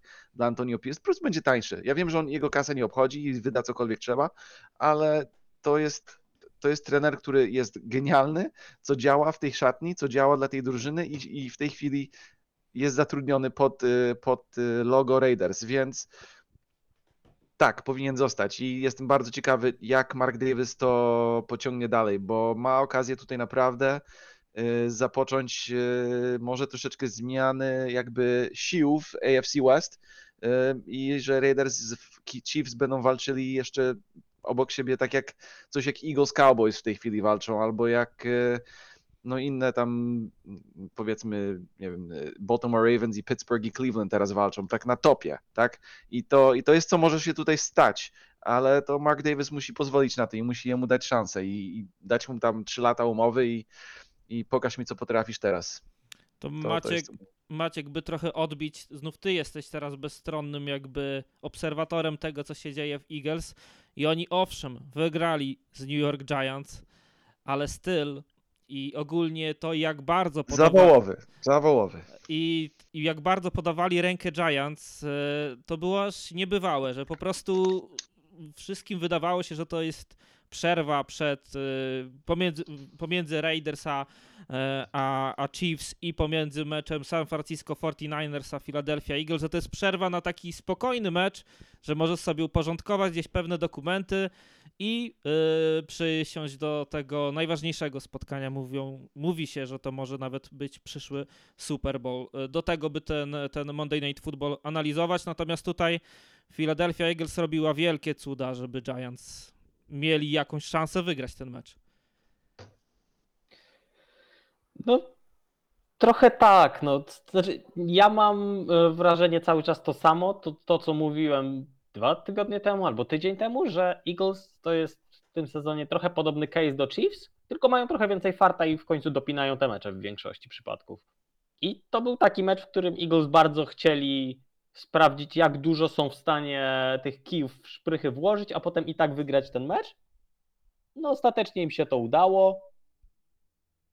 Eee, No ja, nie, ja mam z Eagles właśnie, tak jak mówię, trochę ten sam problem co z Chiefs, bo się, byłem pewien, że oni to w końcu naprawią, że to im zajmie kilka tygodni, jak nie to po bye weeku, no ale nadal tego nie są w stanie naprawić. Jeżeli tam się znowu jakaś luka w olajnie zrobi, to, to może być przykro, może być problem i wcale się nie zdziwię, jak skończy się, no pewnie nie one and done, bo, bo, Byś się zdziwił, bo ja myślę, że tak. jest, znaczy zależy kogo trafią, bo No mogą tak. trafić, mogą trafić, nie wiem, Cowboys, Atlanta Nie, Falcons. nie, nie, te, trafić nie Cowboys mogą? to nie trafią. W pierwszej rundzie nie. To Chciałbym będzie coś... zobaczyć, jak są, jak są rozłożone teraz. Mówię, Poczekaj, aż spojrzę, jak są Nowy, rozłożone Nowy NFC. Orlean, jakaś Atlanta Falcons może im wpaść, jak E, będą mieć wiesz drugie co, no, miejsce. jeżeli, jeżeli przegrają jakiś mecz, to są w stanie. e, nie no, na czwartym nie będą, a Cowboys nie Będą spadną. na piątą. Bę- okej. To będzie, w najgorszym wypadku z Tampą zagrają pierwszy mecz. W najgorszym Eee, wypadku. Najlepszym no nie, to bo będzie... Tampa, znaczy, bo Tampa pewnie wygra, więc nie zagrają z Tampą. Y, Tampa będzie w czwartym, a Eagles jakby przegrali ostatnie dwa mecze, Cowboys by wygrali Okej, NFC. tak, Tak, dobra. bo jako zwycięstwa No nie, dobra, to, to nie, to pierwszą rundę, pierwszą rundę przejdą, bo trafią na jakiś, jakiegoś Pokemona z zestawu Tampa, Rams, Tak, no właśnie Seahawks. Falcons, może Saints przypadkiem. Derek Carr To, wiedzie. to, to są, to są te, te, te rzeczy, więc no tych przejdą, a potem trafiają na mecz już z kimś poważnym, czyli właśnie no, Niners, Detroit, Właśnie, właśnie o Cowboys, to zobaczymy chodzi. jak to się tam ułoży. Mo- mogę, mogę ci powiedzieć trochę na ten temat. y, Tam mogą wypaść, no. I, i wiesz, co, wiesz, co jest korzystne dla Eagles, żeby skończyć na drugim miejscu, bo, bo jak chodzi o drogę do, tych, do półfinału, to jest znacznie łatwiejsza, jakby, jakby skończyli w drugim miejscu, bo pierwszy mecz będzie przeciwko ktoś, ale jak wymieniłeś, Packers, Saints, y, może Rams, coś takiego, gdzie powinni może teoretycznie wygrać, tak? Drugi mecz będzie przeciwko najprawdopodobniej Lions, którzy, którzy są dobrzy, ale też mogę uwierzyć, że Myślę, mogą że wygrać. jest nadal jednak za dużo zmiennych, żeby już najprawdopodobniej kogokolwiek dawać. Nie, znaczy pierwszy mecz masz na 99% słabszą drużynę i Eagles są wystarczająco dobrzy, żeby ją przejść, a potem masz kogoś z zestawu Lions, Niners, Cowboys i Może tu już się mogą się wydarzyć wysypać, wszystko. po prostu. Tak. A wyglądają w tym sezonie, mimo tych 11 zwycięstw, no oni wyglądają jakby. Przeciętnie.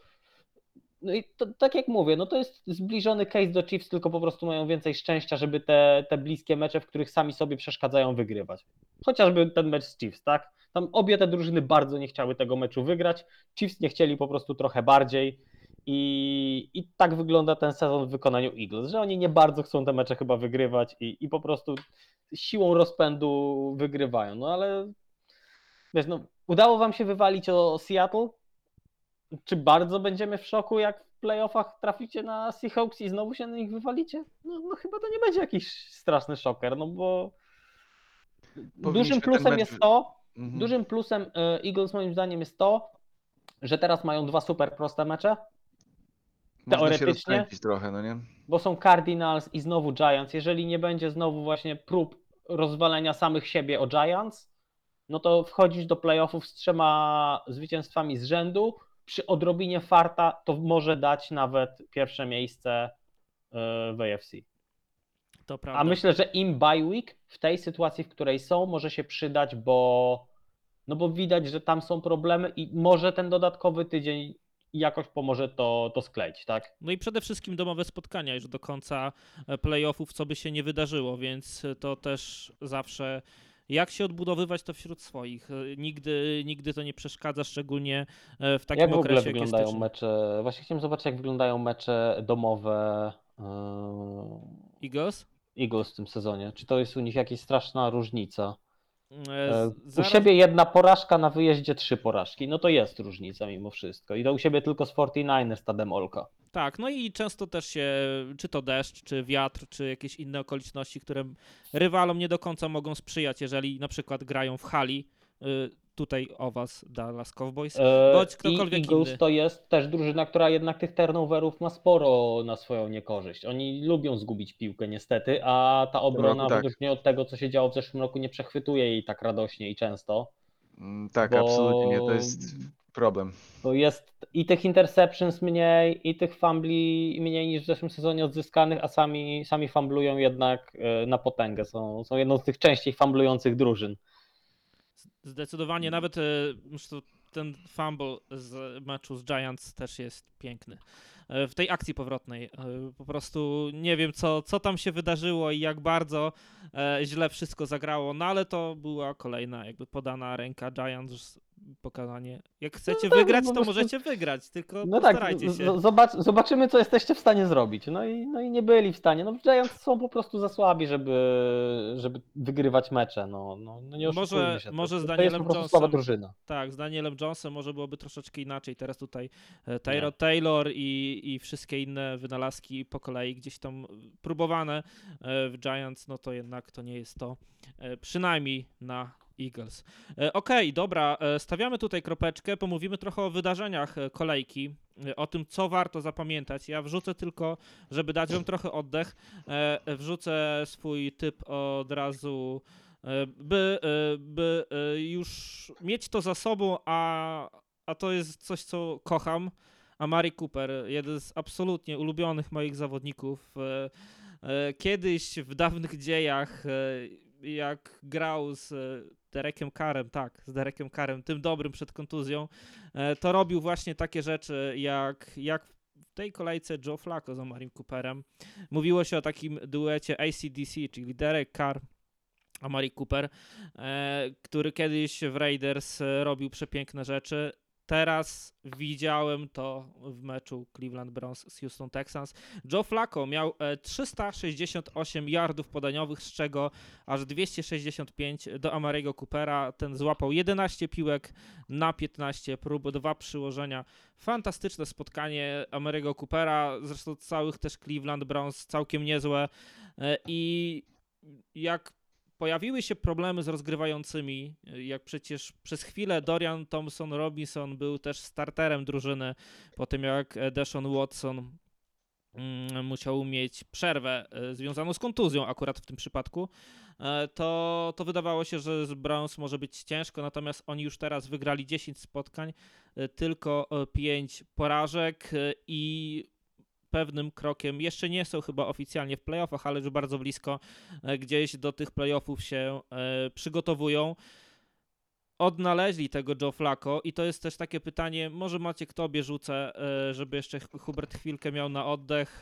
Czy jesteś zszokowany tym, jak Joe Flacco okazuje się być kompetentnym rozgrywającym, bo on nawet nie jest rozgrywającym, który nie przeszkadza, tylko on wygrywa drużynie spotkania. Trochę mnie to zaskakuje, bo, bo po tym, co widziałem w Jets, spodziewałem się, że Flacco gra tak źle, bo już się po prostu skończył. Bo no, mówimy o prawie 39-letnim rozgrywającym, bo to jest, y, jeżeli dobrze pamiętam, jakoś on jest ze stycznia, więc no zaraz będzie miał 39 urodziny. E, kurczę, no momenty ma takie, że, że to jest ten Flacco z, z tego jednego z niewielu dobrych sezonów w Baltimore Ravens. No, z tego, kiedy, kiedy szedł po to Super Bowl, bo on tam miał momenty takie naprawdę niesamowite. Ja nigdy nie uważałem, że Flacco to jest jakiś w ogóle top historycznie rozgrywający, ale to w latach w prostu Baltimore to przeszkadzał dla, dla Steelers i był moment- bardzo dobry. No był, ale był bardzo dobry. On nigdy nie był, był w top 10 oczywiście, ale to nigdy nie był QB, o którym myślałeś, że to jest poziom, nie wiem, Brady'ego, to jest poziom Nie, Peytona, nie, nie. to jest poziom nawet Rotlisbergera. No nie, on był po prostu dobry. E, trochę ludzie mam wrażenie, że zwłaszcza fani Ravens przez taki pryzmat trochę e, wspomnień mają go jako takiego niesamowitego QB, ale on był po prostu dobrym rozgrywającym, nie przeszkadzał, raczej wygrywał mecze, rzadziej je przegrywał, tak, no, no to był po prostu dobry, dobry QB i tyle. I to jest teraz w tym sezonie w Browns to nadal jest dobry QB i tyle. I jestem tym zaskoczony, bo nie spodziewałem się, że on po tym, co grał w Jets, a właściwie czego nie grał w Jets, będzie jeszcze w jakikolwiek sposób e, użyteczny, a, a po prostu to, co on robi, pokazuje, jak fatalny jest w tym sezonie e, Deshaun Watson i jak dużo ma przed sobą pracy Dorian Thompson-Robinson, żeby być przynajmniej kompetentnym QB. No bo, znaczy, no nie oszukujmy się, raczej nie, mimo tego, że bardzo go lubiłem po, po preseasonie, to, to nie spodziewam się jednak, żeby Thompson Robinson był starterem kiedykolwiek w tej lidze na dłużej. W sensie tak, że docelowym starterem jakiejś drużyny, tak? No bo może się okazać, że będzie musiał zagrać większość sezonu przez kontuzję, ale, ale docelowym starterem raczej nigdy nie będzie. No i Flacco pokazuje, jak bardzo y, Watson trzymał y, tych Cleveland y, jakby za mordę, żeby za wiele nie osiągnęli. Z Flako to jakoś wygląda i, i, on nie przeszkadza tej obronie, tej linii ofensywnej, tym zawodnikom wygrywać meczów. Jeżeli kogoś w tej ofensywie miałbym wyróżnić powiedzmy na minus, to, to mimo mojej wielkiej sympatii, no to David Njoku, który, który walczy tymi swoimi dropami o angaż w Kansas City w przyszłym sezonie. To prawda. A tak tylko y, słowem uzupełnienia, Dorian Tomf- Thompson Robinson wpisany po tym spotkaniu na listę kontuzjowanych podobno ma e, On tam chyba w tym pierwszym snapie sobie coś z, tą właśnie z biodrem, kostką, kolanem zrobił. Tam, Tak, nie- i, i no. możliwe, że już nie zagra w tym roku, chyba że te cztery kolejki e, to jakby jeszcze wliczymy te playoffy, to może wtedy jeszcze się na przykład na Super Bowl by, e, był możliwy do tego, by go aktywować. PJ Walker, e, jego miejsce zas, zastępuje w składzie, e, jakby zawodnik, który był przed chwilą jeszcze e, w składzie treningowym Browns, e, przeskakuje na QB2. E, Jeśli chodzi, Hubert, e, jeszcze o Flako, o takie ostatnie słowo. Czy masz taki vibe, taką, czujesz takie nutkę wspomnienia, e, jak to robił Falls w Eagles i, i że, że to podobny wjazd był w sumie bez większych oczekiwań, tak? E, A, a, a Nick Foles to wtedy zrobił i, i, Eagles wygrali Super Bowl. Czy, czy czujesz coś takiego tutaj w tej sytuacji, czy nie? To jest taki wjazd jak Nick Foles, tylko to jest jeszcze większy, taki jakby silniejszy wjazd, bo on gra dobrze od, od sezo- sezonu re- normalnego. To, to, to nawet nie są rozgrywki. I on już miał z dwa mecze takie po, porządne, że, że no aż, aż zaskakująco do, dobre mecze. I, I jego doświadczenie to będzie bardzo wielkim plusem w rozgrywkach dla Browns, bo ich obrona jest silna, gra biegowa fajna, mają skrzydłowego Amari Coopera, który się bardzo fajnie roz, no, rozwija, on, on już cały czas jest rozwinięty, ale, ale, Ale się dopiero nie teraz jakby. w tym- przy Flako zaczyna naprawdę te mecze mieć dominujące. Ale Cooper E, i Flako wyglądają jakby całe życie grali razem. Tak, do, No nie. dokładnie. Jakby to jest No coś nie? niesamowitego. To jest po prostu. Patrzysz na dwóch gości, którzy grają ze sobą chyba pierwszy sezon tak Ale naprawdę. ci powiem, ci powiem coś takiego. On, nieraz zawodniki nie muszą grać całe życie razem, ale po prostu jest chemia. Yy, Jest, jest- jest chemia, on czuje jego ruchy, jak chodzi o, o ścieżki, bo Amari Cooper ma absurdalnie niesamowite ścieżki. Robił to dla Filadelfii przez lata, wiem doskonale, jak łamie kostki. To ten ziomek jest absurdalnie dobry w różnych takich e, ułamkowych slantach, różne takie, takie szybkie ruchy. To jest, to jest elit- elitarny zawodnik pod tym względem. Jego problem jest może, że on nie w każdym meczu gra najcięż, naj, najmocniej i, i to jest jego minus, ale generalnie super zawodnik. I z, z Joe Flacco widać, że ma złapał, złapał taką chemię, że, że to, ja nie mówię o Super Bowl tutaj, ale czy Cleveland Browns, Joe Flacco, Czy- Super Bowl czy- MVP, czy- jakby to brzmiało. czy, czy to jest możliwe, że. Joe Flacco za, y, wygra, wygra Super Bowl w, y, w, wygrał Super Bowl w Baltimore i potem y, za, zabroni im wejść do Super Bowlu, bo sam wejdzie z Cleveland? Czy to by nie było po prostu piękne, jakby Joe Flacco y, zatrzymał Lamara Jacksona od Super Bowlu? To by było Że Powiem niesamowite. tak, jakaś część mnie byłaby rozbawiona niesamowicie, ale druga część mnie byłaby wściekła, bo to sprawia, że być może Deshaun Watson będzie mógł pochwalić się pierścieniem. Coś w tym jest. Coś Nikt, jest. nikt nie uznaje mu tego pierścionka, on w ogóle sprze- powinien, jego, mu- powinien sprzedać Nikt, na mówisz, mówi, mówisz, że nikt nie uzna mu tego pierścionka, a potem widzisz statystyki, na których Jimmy Garapolo jest wyświetlany jako osoba z dwoma pierścieniami. Ale ja w ogóle nie uznaję, że on wygrał je. Ja po prostu widzę, ja, ja wiem, że ma, spoko, ale Za to... 20 lat nikt nie będzie o tym pamiętał. Będzie Nie, Jimmy ja Garapolo nie- tutaj Złota Super Bowl kamizelka. champion. Ty mnie, ty mnie w tej chwili uświadomiłeś, że on ma dwa. Ja to pa- totalnie o tym zapomniałem. W tej chwili mi uświadomiłeś, ja nie wiedziałem o tym. Ja wiem, że Złota grał kam- w San Francisco w Super Bowlu i to jest wszystko, co ja Tak, pamiętam o i, nim. i przegrał go Tak, osobiście. Wiemy, wiemy, wiemy. Tak, Wiemy, tak. No to, się, to się może wydarzyć. Okej, dobra, stawiamy tu kropeczkę, ale myślę, że niestety od tych Browns nie uciekniemy. Niestety, niestety dla fanów Browns e, to, to z pewnością fajne chwile, bo myślę, że też mog, mogli mieć e, trudno, e, trudny moment sezonu po tym, jak okazało się, że Deshaun Watson już grać nie będzie. Natomiast okazuje się, że tutaj królik z kapelusza, a może po prostu dobra robota generalnego menadżera i też trenera, który gdzieś wyskautowali, że Joe Flacco jednak coś w tym baku jeszcze ma i jeszcze e, potrafi dawać szansę swojej drużynie zwyciężać, bo, bo tak to w tym, w, teraz, e, teraz Browns wygląda.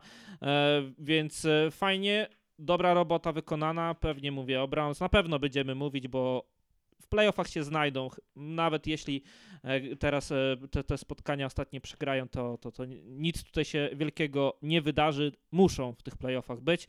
E, Natomiast jeśli chodzi o inne spotkania, to po jednym wydarzeniu, Maciek, o którym chciałbyś powiedzieć, które jest ważne Twoim zdaniem i, i dlaczego trzeba zapamiętać to wydarzenie po kolejce 16. No to ja mam takie swoje wydarzenie y, po kolejce 16. To jest y, Mutę na Baker, Twitter. Baker Mayfield wraca jako QB1. Ostatecznie, mam wrażenie. Okej. Bo, bo naprawdę odnalazł się w tampie i o ile tam oczywiście miewa lepsze, gorsze mecze, miewa takie, w których nie dojeżdża, ale jakby jest wystarczająco dobry, żeby być spokojnie starterem w tej lidze w wielu drużynach. Odnalazł się tam, czuje się dobrze w tej drużynie. Drużyna w Jest- niego wierzy. Drużyna w niego wierzy. Jestem ciekaw, na ile będą w stanie to podtrzymać na dłuższą metę niż jeden sezon. Mm, No bo prędzej czy później tam muszą być jakieś zmiany osobowe. Natomiast no myślę, że myślę, że Baker Mayfield jednak e, pokazał, że to jest człowiek, który, który ma wystarczające umiejętności na startowanie w NFL. I to jest, to jest takie moje, e, moje jedno spostrzeżenie, a drugie już e, króciutkie. E, No to, to Pittsburgh Steelers są przerażający. Mimo wszystko, że to jest, że to jest tylko Bengals bez Baroła, no to nadal ci Bengals bez Baroła wygrywali mecze. I to w niektórych naprawdę zdobywając mnóstwo punktów. W tym meczu, pomimo tego, że Browning przebił tam 300 yardów, to, to ta obrona była dominująca. Tak, tylko 11 oczek Cincinnati e, Bengals e, zdo, zdoły, zdołało, a szczególnie tam wyskakiwał z, z ekranu George Pickens. 195 yardów, e, No absolutnie nie do zatrzymania. A potem i tak go Amari Cooper przebił. Tak, tak. To, to prawda. No, a wcześniej w ogóle zaczęło się Puka Nosułą, czyli znów świetny No występ myślę, że myślę, że to Boera. Rookie of the Year jest już dawno przyznany. Tak, tak. Chyba, że jeszcze tu wie... oczywiście. Tak, chyba, że wjedzie nam e, jeszcze tutaj na białym ko koniu CJ Stroud na ostatnie dwie kolejki i wyczyści temat, bo to też jest A, możliwe. to też. też. jest możliwe. Znaczy, To jest właśnie problem, bo, bo ja dałbym e, Straudowi, tylko po pierwsze ten uraz, przez który nie zagrał, no głupio zabierać komuś nagrodę przez uraz, tak? No ale no wiadomo, nie zagrał Playoffy meczu, w więc NCAA trochę zabiera się przez uraz, kolego. nie chcę komentować playoffów w NCAA, bo, bo jako dość duży fan y, Florida State, to jak zobaczyłem te informacje, to, to miałem ochotę czymś rzucić i a stan Alabama pozwać o, o, o długoletnie kazirodztwo. Natomiast y, no nie zdziwię się, jeżeli y, na przykład sytuacja będzie wyglądała tak, że, że Stroud dostanie jakieś tam sensowne miejsce w MVP. Nie wy- wygra go oczywiście, ale dostanie jakieś dość wysokie miejsce kosztem e, utraty miejsca w Rookie of the Year. No tak. I tyle. Tak, tak, może, tak może się wydarzyć. A powiedz mi jeszcze tylko tak już kończąc e, i nie dobijając ciebie zbyt mocno, to e, najbardziej w ostatnim czasie ta porażka e, Chiefs nad Raiders ciebie zabolała, bo mam wrażenie, że w ogóle jakby wyłączony byłeś i z mediów społecznościowych i i ogólnie zastanawiałem się, czy pojawi się dzisiaj w podcaście, czy to nie będzie zbyt Nie, ciężkie. mówiłem, że się pojawię. Mówiłem, że się pojawię. Ale nie, boli, Wiesz co, boli. miałem gorsze porażki w tym sezonie. Okej, czyli Ta, to... pier- ta, ta z Denver bolała mnie dużo bardziej, bo, bo wtedy jeszcze nie byłem mentalnie gotowy na to, jakie gówno Chiefs będą grali, a teraz już jestem przyzwyczajony i nawet mnie bardzo to nie zaskoczyło. okej. Znaczy wiedziałem, że to, to, to są Raiders, generalnie wygrywamy te mecze, generalnie nawet jak są dwa posiadania różnicy, to zwykle wygrywamy te mecze, może to odwrócą. Byli blisko odwrócenia tego tak naprawdę, gdyby nie to, że dwa drive'y naprawdę dalekie i długie skończyły się bez punktów, więc no no Chiefs zrobili co mogli, żeby tego meczu nie wygrać i go nie wygrali, więc nie, nie, nie bolało mnie tu to dużo bardziej niż, niż któraś z tych wcześniejszych porażek. Jeżeli miałbym je jakkolwiek klasyfikować, to ta z Denver bolała najbardziej, bo, bo Lions to był pierwszy, pierwszy mecz sezonu, tam się zdarzają różne rzeczy, więc to, to trochę było hookers. To Denver faktycznie bolało, e, no i bolało Buffalo, bo, bo nienawidzę ich całym serduszkiem swoim drobnym, a Raiders to jest taki trochę nieszkodliwy sąsiad. I tak jeszcze przy. Jakby... I jeszcze przez jakiś czas pewnie będzie nieszkodliwy. Jak, powiedzieć. jak, zacznie, jak zacznie być szkodliwy, to wtedy będę, będę przejmował się porażkami z nimi. Dokładnie, chciałem właśnie powiedzieć, że nawet to, to zwycięstwo zbyt dużo, zbyt dużo, e, jeśli chodzi o siłę tych drużyn, nie zmienia, n- bo Na, nadal na rumbie nas nie pokonaliście, więc. coś w, tym, coś w tym jest. Jeśli chodzi o ciebie, Hubert, jedno wydarzenie. Jedno wydarzenie. Ym...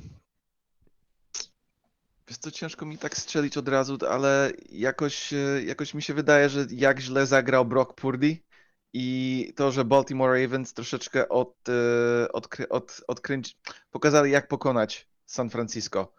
Yy, To, to, to mi otworzyło i, i szczerze mówiąc, jak domino, dominowali Baltimore Ravens w tym meczu e, w zeszłym tygodniu, to bardzo mi otworzyło oczy, jak, jak jak bardzo trzeba ich wziąć pod uwagę, bo generalnie ja zawsze uważałam za Ravens jako drużyna, ok, zawsze będą w rozgrywkach i odpadną w pierwszym albo drugim meczu. A w tym roku mam to wrażenie, nadal może że się wydarzyć. To może, nadal ale są Ravens. wiem, ale jakoś wierzę w ich bardziej w tym roku. Wierzę Ra- w ich Ravens mają tylko ciut lepsze e, resume z ostatnich lat niż Chargers. e, Pod względem czołkowania się właśnie, bo oni A się czołkują chodzi- po prostu troszeczkę później. Mm, Też racja, Te, też racja, ale no, mam, mam troszeczkę więcej pewności w tym roku, jak chodzi o Ravens. A jak chodzi o 49ers, to zaczynam myśleć, że oni, jak jakakolwiek drużyna, czy to Lions, Eagles, zagrają ten jeden mecz taki ostry, gdzie po prostu będą ich cisnąć, e, jak chodzi o te screeny, bo jak zauważysz, to Brock Purdy, większość, ich, większość ich, jego rzutów to takie screeny, krótkie podania, co resztę zawodników pociągają dalej. On nie jest dobry rozgrywający, jak musi gonić, on nie jest dobry roz- rozgrywający, jak musi dalekie, ciężkie podania dokonywać, on po No to prostu, nie ma zasięgu funkcjonuje- na dalekie podanie. on, on Właśnie, jest, a pro- on, on, A, a propos tego meczu, przepraszam, że ci przerwę, bo e, krytykujemy cały sezon sędziów NFL. Słusznie. Tak. No to co tam się wydarzyło, to. To safety w pierwszej To- kwarcie okej. To osoba, która sędziowała ten mecz powinna nigdy więcej nie wyjść na boisko To, to NFL. Benny Hill, to po prostu, ja nie widziałam nigdy w Nie, ale życiu to jest skandal. historii. Sędzia ładuje się rozgrywającemu pod nogi, ten wyrzuca piłkę, dostaje za to e, Żeby nie- nie- intentional grounding i safety. Jeżeli Ravens przegraliby ten mecz o dwa punkty, to, w- to, to, to, to byłby idealny mecz, żeby pisać, że tak przegrali przez sędziów. Tak, I to w 100%. Na szczęście go wygrali i na szczęście to absolutnie nie miało żadnego znaczenia finalnie. Natomiast moim zdaniem to jest skandal i ten sędzia nigdy więcej nie powinien wyjść na boisko. tak, możecie sobie wrzucić, e, wpiszcie Nie sobie wiem, nie Baltimore pamiętam Ravens kto, kto tam konkretnie stał, bo, bo sędzią głównym był Winowicz, ale nie jestem pewien kto tam się władował pod Lamara. Tak, a z głowy absolutnie tego nie wyciągnę. Czy to był on, czy to był któryś z innych sędziów. Tak, to, to, to zderzenie, które pewnie przejdzie gdzieś do jakichś highlightów tego sezonu, ale mówię, jeśli nie widzieliście, wpiszcie sobie Safety Baltimore Ravens e, i, i warto zobaczyć tę akcję, bo jest to sposób wyjątkowy, E, jak utrudniono A, mu a życie. jak przypadkiem y, wpisując safety Baltimore Ravens znajdziecie Kyla Hamiltona, to też obejrzyjcie. Tak. Bo To, co ten chłopak wyczynia w tym sezonie, to jest Tylko, że, że, że on też tylko w sumie nie jest safety, nie? E, Nie, chyba na- jest safety Kyle Hamilton. Znaczy do rosteru tak wpisany, ale grał chyba na różnych pozycjach w tym meczu. No generalnie kapitalny zawodnik. Znaczy, Wiedzą jak z niego jest, on, korzystać. on jest no. trochę jak y, Tyron Matthew. Gra na tej pozycji, na której akurat go ustawią. Tak, tak, tak, zdecydowanie tak. E, To ja jeszcze dodam takim bonusem, bo nie wspomnieliście o tym, a myślałem, że, że, że tutaj też rzucicie słowem. Mecz Dallas Cowboys Miami Dolphins absolutnie fantastyczny. To czuć było zapach playoffs od pierwszej do ostatniej piłki i e, ten e, pierwszą połowę sobie nadrabiałem gdzieś tam e, później już jakby z odtworzenia, natomiast drugą połowę oglądałem na żywo i to jak to spotkanie żyło i jeśli chodzi o Cowboys i Dolphins było absolutnie fantastyczne. Piękny mecz. Naprawdę dobry mecz, jeśli chodzi o fazę zasadniczą, a teraz już chyba takie po prostu będziemy mieć do końca, szczególnie jeśli chodzi o te czołowe drużyny, bo każda porażka może decydować, czy to właśnie o tym, e, o stracie wolnego tygodnia, jeśli chodzi o to najwyższe rozstawienie w konferencji NFC i AFC, jak też walka o te rozstawienie w playoffach, bądź po prostu obecność w playoffach. Nie można się już potykać, więc drużyny walczą, a zestawienia w tygodniu 17 też są całkiem ciekawe. Więc przechodząc już do e, noworocznej kolejki, New York Jets grają z Cleveland Browns i tym nam otwierają czwartkowy wieczór z ligą NFL. E, następnie mamy w poniedziałek, przepraszam, w, sobotę, Sunday. E, o sobotę, ale okej, dobra, już po, poprawiam się. To jest mecz u nas, e, to będzie niedziela nad ranem, druga 15, a e, Mało kto może go obejrzeć. tak, no druga 15. Nie, bo właśnie tak zwróciłem uwagę, że, że pisze, że to jest sobotnie spotkanie, ale widzę druga 15, więc to jest noc z soboty na niedzielę, druga 15. Dallas Cowboys, Detroit Lions. Kapitalne spotkanie y, i też warto zobaczyć. To jest special Monday Night Football. Tak to się nazywa. Dlatego chwilę Dlatego zwą- jest soboty na niedzielę. tak, dlatego zwątpiłem nazywając, czy to jest na pewno ten mecz, o którym chcę powiedzieć, ale faktycznie to jest noc e, z soboty na niedzielę Dallas Cowboys kontra Detroit Lions. E, Jeszcze na spokojnie można sobie ten mecz obejrzeć, jeżeli wybieracie się gdzieś na noc sylwestrową, to, to ten mecz e, jeszcze jest do łapnięcia na żywo. Natomiast jeśli chodzi o sylwestrową niedzielę, to mamy mecz o godzinie 19 Buffalo Bills, New England Patriots. E, O godzinie 19 mamy też mecz Chicago Bears, Atlanta Falcons. Kolejny o 19 to Indianapolis Colts z e, Las Vegas Raiders.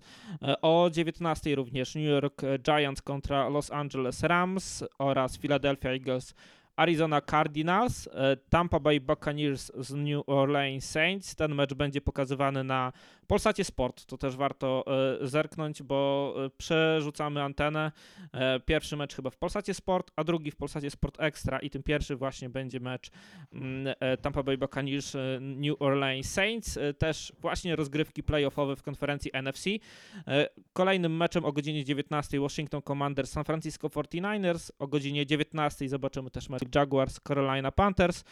E, O 19 również tu też ciekawy mecz, e, no już które, które może się zdecydować finalnie o tym, e, kto wygra, wygra konferencję AFC Baltimore Ravens kontra Miami Dolphins. I ostatnim meczem o godzinie 19 jest starcie Houston Texans z Tennessee Titans. Mm, O godzinie 22.05 Seattle Seahawks Pittsburgh Steelers. O godzinie 22.25 Denver Broncos kontra Los Angeles Chargers. O godzinie 20.25 e, również mecz e, Kansas City Chiefs Cincinnati Bengals. I to jest te drugie spotkanie, które zobaczymy na antenach e, Polsatu. A kolejkę kończy nam niedziela z futbolem amerykańskim w NBC, czyli Sunday Night Football Minnesota Vikings Green Bay e, Packers. To już będzie u nas nowy rok, natomiast tutaj jeszcze w Stanach e, będą się wszyscy cieszyć niedzielą z futbolem amerykańskim. I meczu poniedziałkowe- poniedziałkowego nie ma. Ten mecz właśnie poniedziałkowy został przesunięty na, na sobotę, czyli Monday Night Football Special Edition w sobotę. Tak to Liga NFL rozegrała. Maciek, na co Wszystko czekasz? ma sens. Tak, tak, wszystko ma sens. Na co tutaj czekasz szczególnie? Nie no, tutaj już, to już jest ten etap sezonu, gdzie, gdzie nawet nie będę udawał, że cokolwiek poza Chiefs mnie interesuje, tak? Zwłaszcza biorąc pod uwagę, że mimo, że jestem tych playoffów dość pewny, to sytuacja jest troszkę na ostrzu noża. Mogą ją wyjaśnić Colts e, wcześniej, no bo tak jak, tak. Tak. jak już rozmawialiśmy, jeżeli Raiders nie wygrają, no to Chiefs wchodzą z pierwszego miejsca na, na zachodzie. Natomiast no, mecz z Bengals jest o tyle istotny, że po pierwsze to jest Bengals i ta rywalizacja jest coraz większa między tymi drużynami. To nie będzie Nawet- Barrowhead, bo już nie ma Joe Barrowa. No nie będzie Barrowhead z wielu powodów, no między innymi dlatego, że, że Barrowhead trochę odczarowane zostało w zeszłym sezonie. E, natomiast no nadal to będzie, to będzie trudny mecz, bo Bengals mają, mają w tym sezonie momenty, ta obrona nadal jest bardzo dobra i ta obrona nadal umie czytać Patricka Mahomesa, a w tym sezonie nawet obrona nie musi być dobra i nie musi umieć go strasznie dobrze czytać, żeby sobie e, nie radził z przyczyn często nawet niezależnych od niego. e, bo nawet jak gra dobre mecze, to, to koledzy mu pomagają, e, żeby, żeby się nie udało, więc to jest, to jest ekstremalnie ważny mecz i, i trzeba go wygrać, żeby, żeby chociaż trochę tego rozpędu na koniec sezonu złapać. E, A jeżeli miałbym wskazać któryś mecz, już nie jako, jako już homer, tak, no to, no to bez wątpienia to jest mecz na szczycie AFC, czyli Dolphins Ravens. Mimo, że uważam, że będzie on bardzo jednostronny na korzyść Ravens, bo, bo Miami, okej, wygrali z Cowboys, ale moim zdaniem nadal nie umieją grać z dobrymi drużynami. Hubert? W ogóle wiecie, że jest matematycznie jeszcze szansa, że Chicago Bears wejdą do rozgrywek? A po co? Po prostu ja, Kto ja lubię takie zaprasza? historie. Ja bardzo lubię, ja bardzo lubię takie, takie jeszcze, takie, takie migające się światełko, już jak prawie bateria się kończy, że, że jest jeszcze szansa, że, że taka drużyna wyjdzie. To by było piękne po prostu, To, ale... to, to, ale to, to jest, mam wrażenie, że taki moment, jak jedziesz windą, masz 1% baterii, Mhm. otwierasz drzwi, wchodzisz do pokoju, bierzesz ładowarkę i pada ci telefon. To Co jest taki po- moment, ale, ale może zdążysz tą ładowarkę podłączyć i liczymy na to, że zdążysz, Maciek. Więc, więc Ha, jak chodzi o mnie, to ja, ja, ja, ja to Lions Cowboys y, to jest oczywiście mecz, który jest ważny dla obu droży- drużyn. Lions, mimo to, że dywizję wygrali, to wiadomo, jeszcze y, walczą o pierwsze miejsce. Cowboys, jestem ciekawy, czy to będzie ich trzecia porażka, jak, jak to będzie wyglądało dalej i też jestem ciekawy, jak Cowboys wypadną y, w Tampie w pierwszym meczu rozgrywkowym, jak tam się znajdą, bo na wyjeździe z drużyną, która jest bardziej zgrana niż, y, niż rok temu, czy tam dwa lata temu y, byli Tampa Bay Bucks Tom Brady, jest potencjał tutaj na interesujący mecz. Nie mówię, że przegrają ten mecz, ale, ale jest potencjał na interesujący mecz. No i też mam, mam czy jeszcze tutaj jeden był mecz, co mnie bardzo ciekawił. A, Ra- Raiders Colts, bo bardzo chce mi się zobaczyć, czy Raiders wygrają ostatnie dwa mecze i będą walczyli o, o, o miejsce w playoffach, bo to by była piękna konkluzja dla po prostu historycznie tragicznego podpisu, jak chodzi o trenera w Josh McDaniels, do historycznie dobrego jakby zmiany fortuny dla Raiders, żeby wrócili do, do playoffów pod kierownictwem Antonio Pierce, to by było po, po prostu piękniutkie, więc e, tutaj będę kibicował i nawet nie to przez to, Go że, że wielki Gardner Minshew. go wielki Gardner Minshew. Też lubię Gardnera, no kurczę, ja też lubię Colts e, ze względów Shane Steikena i, i to, co on, to, co on robi z Colts, to jest piękne. I też kibicuję Jestem pod wrażeniem tego, jak Steichen ogarnął Colts. Naprawdę Teraz- jestem pod dużym wrażeniem. A, a ja jestem pewny, że przez a- atak Eagles wyglądał tak, jak wyglądał rok temu. Wiem, że przeciwniki były gorsze, a w tym roku są cięższe i dalej wygrywają jakoś te mecze, ale ja myślę, że on trzymał, on był ten klej, to, co kleił to wszystko razem, a teraz, że mamy nowych koordynatorów i tak dalej, to... Aż szkoda, że tylko nie zobaczymy Antonego Richardsona, nie?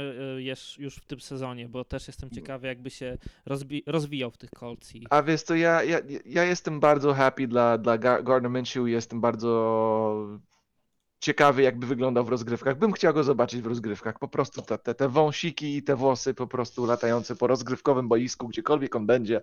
To Ryan, mnie, to, Ryan Fitzpatrick vibes, nie? A propos tych takich... to- Tak, totalnie. To, to jest totalnie Totalnie. Ryan Fitzpatrick 2-0. Tak, i, i, i ja liczę na to, że on do, do tych rozgrywek jednak trafi. Tylko nie wiem, czy Nie jest zgodzę tak, się, z tak bo- memicznego uniwersytetu. Y, Właśnie nie, nie chcę się godzić, bo... Pamiętam. Bo, bo Raiders by wtedy nie weszli, więc nie, to się nie wydarzy, chyba że się wydarzy Zgoda. tak, że Raiders wygrają dwa spotkania, a Colts wygrają tylko jedno, im to wystarczy. Też tak może, e, może być. Natomiast, e, tak jak mówicie, jest sporo fajnych e, spotkań. Ja taki potencjalny upset widzę w meczu Carolina Panthers Jacksonville Jaguars. Absolutnie. O, o nic Carolina, Carolina Panthers walczyć nie musi, nie może, nawet jeśli by chciała, bo nie ma piku w drafcie, więc y, będą ja robić myślę, że wszystko. od zmiany, od zmiany trenera Panthers zaczynają wyglądać deko lepiej. Tak, dlatego ten upset w Jacksonville tak gdzieś czuję, że, że może A być. Trevor Lawrence gra w tym meczu, czy ma kontuzję? Wydaje mi się, że nie gra. Już e, sprawdzam, jak wygląda sytuacja, jeśli chodzi... Bo to, bo to duży wskaźnik może, może być, jak chodzi o. No, da, da, nadal powinni Dobra. wygrać Jaguars, ale. Mamy jakiś raport od Daga Petersona i już go sprawdzam, żeby też od razu nie zostawić jakby podcast z, bez e, wyjaśnienia, e, jaka jest sytuacja na środę, godzina 21.13.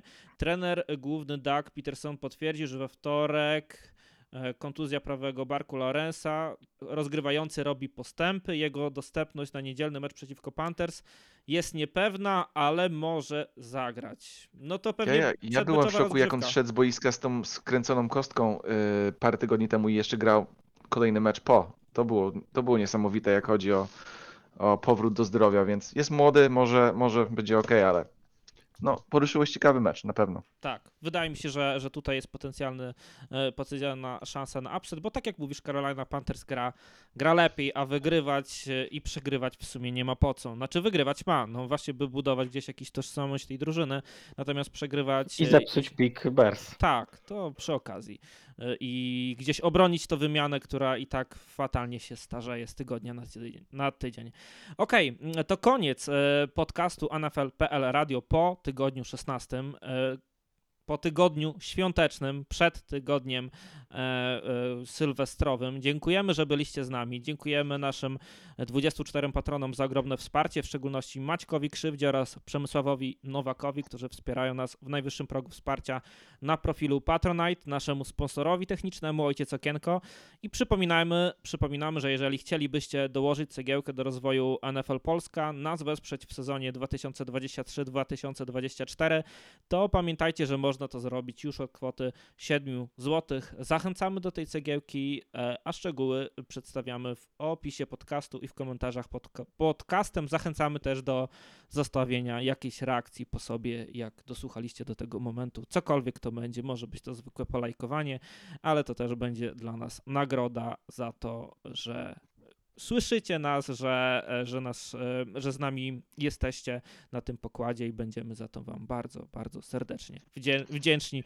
Nakarmi, nakarmimy al- algorytmy i kto wie, może znowu ktoś nowy usłyszy o futbolu amerykańskim, a wiemy, że tych nowych fanów ligi NFL nie brakuje i to też cieszy, bo pokazuje, że ta dyscyplina ma potencjał i gdzieś się coraz lepiej buduje, nie tylko jeśli chodzi o media czysto branżowe, ale teraz też i te og- ogólnosportowe media. A chyba w Super Bowl to jest też e, Super Bowl to jest taki zwykle magnes do tego, by ściągać nowych fanów, ale teraz też widzimy, że nawet te, te czasy bożonarodzeniowo-świąteczne, kiedy wiele dyscyplin sportu ma powygaszane jakby swoje rozgrywki, to też jest szansa dla takich sportów, jak właśnie futbol amerykański, by złapać nowych fanów i utrzymać ich e, na dłużej. Do dziś, na dzisiaj, do usłyszenia. Mówi wam skład. Maciej Zając, Dzięki wielkie. Hubert Gawroński, I po raz ostatni, Broncos Country, let's ride.